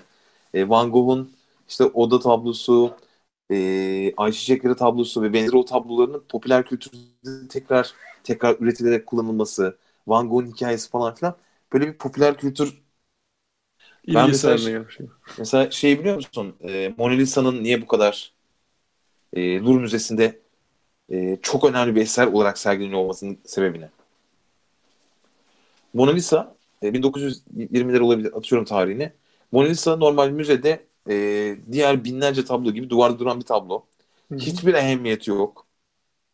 Da Vinci'nin yapmış olduğu eser olmasıyla beraber tabii ki de kıymetli. Ama Da Vinci'nin diğer eserleri arasında hiçbir ayrımı yok yani. Sorsan hani Da Vinci'nin e, İsa'nın son akşam yemeği daha meşhur. Bugünkü genel algısıyla alakası yok yani. Evet. Şöyle oluyor abi. Mona Lisa çalınıyor müzeden. Hı-hı. Haber oluyor. Haberlerde Mona Lisa çalındı. Kim sorumlusu kim? Louvre Müzesi Mona Lisa'yı bulabilecek mi? İşte Fransa'dan gitti. Fransa kaybetti. Etti. Şu oldu. Bu hani bunlar hep konuşuluyor, konuşuluyor, konuşuluyor. Sonra bulunuyor. Gelinişi tekrar sergilenişi. Mona Lisa Louvre'a geri döndü. Haber çıkıyor bak sadece. Mona Lisa o gün popüler oluyor. Biz Yoksa Mona Lisa'nın... galiba ya. Sen şimdi konuşunca hatırladım. Şimdi şey çok acı. Yani mesela İsa'nın son akşam yemeğinin e, resim tekniği, içeriği falan hani anladın Belki Mona Lisa'dan daha şey ama şu an Mona Lisa'yı dünya üzerinde hani şey kabile mobilleri ayırıyorum. Yani bilmeyen insan yok o anlamda. Hani internete girebilecek teknolojiye sahip erişim olan herkes Mona Lisa'yı görmüştür Zaten yani. dünyanın en meşhur tablosu diye tanınıyor şu Evet. Ve şimdi a, a, o, oradaki şey e, işte bunu biz şey desek de işte bu Louvre Müzesi, sanat falan deyip daha böyle elitist bir kalıba koysak bile abi hani durum şu orada da işte popüler kültür gene çalışıyor. Hani çağdaş sanatta mesela hani çağdaş sanatta da ismin varsa abi hikayen varsa her zaman sana popülerliği getiriyor ve popülerlik ne olursa olsun hani işte e, şey yanında e, atıyorum fazla sayı biliyoruz. Fazla sayın dışında bana 3 tane daha piyano üstadı söyle desem bende yok. Zorlanırım yani. Evet. evet. Ama bu tarafta da fazla sayın başka türlü bir popülerliği var. Bu şunu ortadan kaldırmıyor. Adamın bir yeteneği, dehası hani o, onu ortadan kaldırıyor değil. Ama ne olursa olsun galiba kültür işinin bir ucunda popülerlik olmak zorunda. İşin ne diyeyim lanet kısmı belki de. O yüzden ben hani bu, bu kısmı yapmamın sebebi umuda bağlayalım dedik yani. Hı hı. sanırım buna alışmak lazım. Bunu kabul etmek lazım. E, bu popüler kültürün içerisinde de fazla say gibi yeteneği olanları ayırmak lazım. Bunları biriktirmek. Belki diğerlerinde biraz hoşgörüyle çok da takılmadan geçmek lazım. YouTube videoları için söylüyorum bu kısmında. Evet, yani Bilmiyorum. Popüler kültür tabii aslına bakarsan kültürün e, biz dediğin gibi bayağı saptandık ama kültürün bir bölümü aslına bakarsan. Evet. E, bizim içinde yaşadığımız çağ itibariyle e, kültüre etkileri belki geçmişte hiç bu kadar yoğun olmamıştı. Bu bir gerçek. E, kültürü dönüştürme ihtimali ve yeteneği olan bir bölümü popüler kültür belki. E, ama hani orada yani baktığın zaman tabii ki umutsuz olmaya gerektirecek çok fazla değişken var ama umut hiçbir zaman hayat var oldukça umut da var. Mutlaka çok iyi iş yapan gençler böyle bizim bugünkü konuştuklarımızı belki 20 sene sonra e, gülüp ya amma takılmışlar bunda falan diye böyle de kendimizce bir hayalimiz var. Yalandan da olsa. Yani iyi yerlere gider Evet. diye umuyorum ben de. Umutlu olmak adına. O zaman güzel bir laf vardı biliyorsun. E, türkü söyleyen adam kötü olmaz diye. Yani türkü söyleyenden Zar Bilmez diye. gelmez. Hı. Dolayısıyla türküyle bitirelim programı. Açıyorum. Ben söylemeyeceğim herhalde değil mi?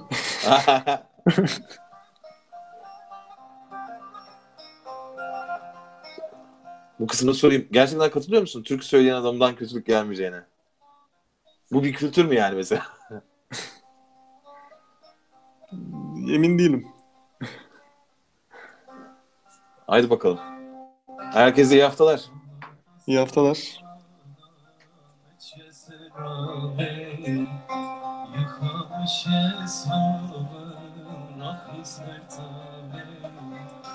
Bir öpücük istedim hayrat bari Yabancım değilim kısmet etme Ne durum ne zincir etme Bir öpücük istedim hayrat bari Yabancım değilim kısmet etme ne durum ne? Zincir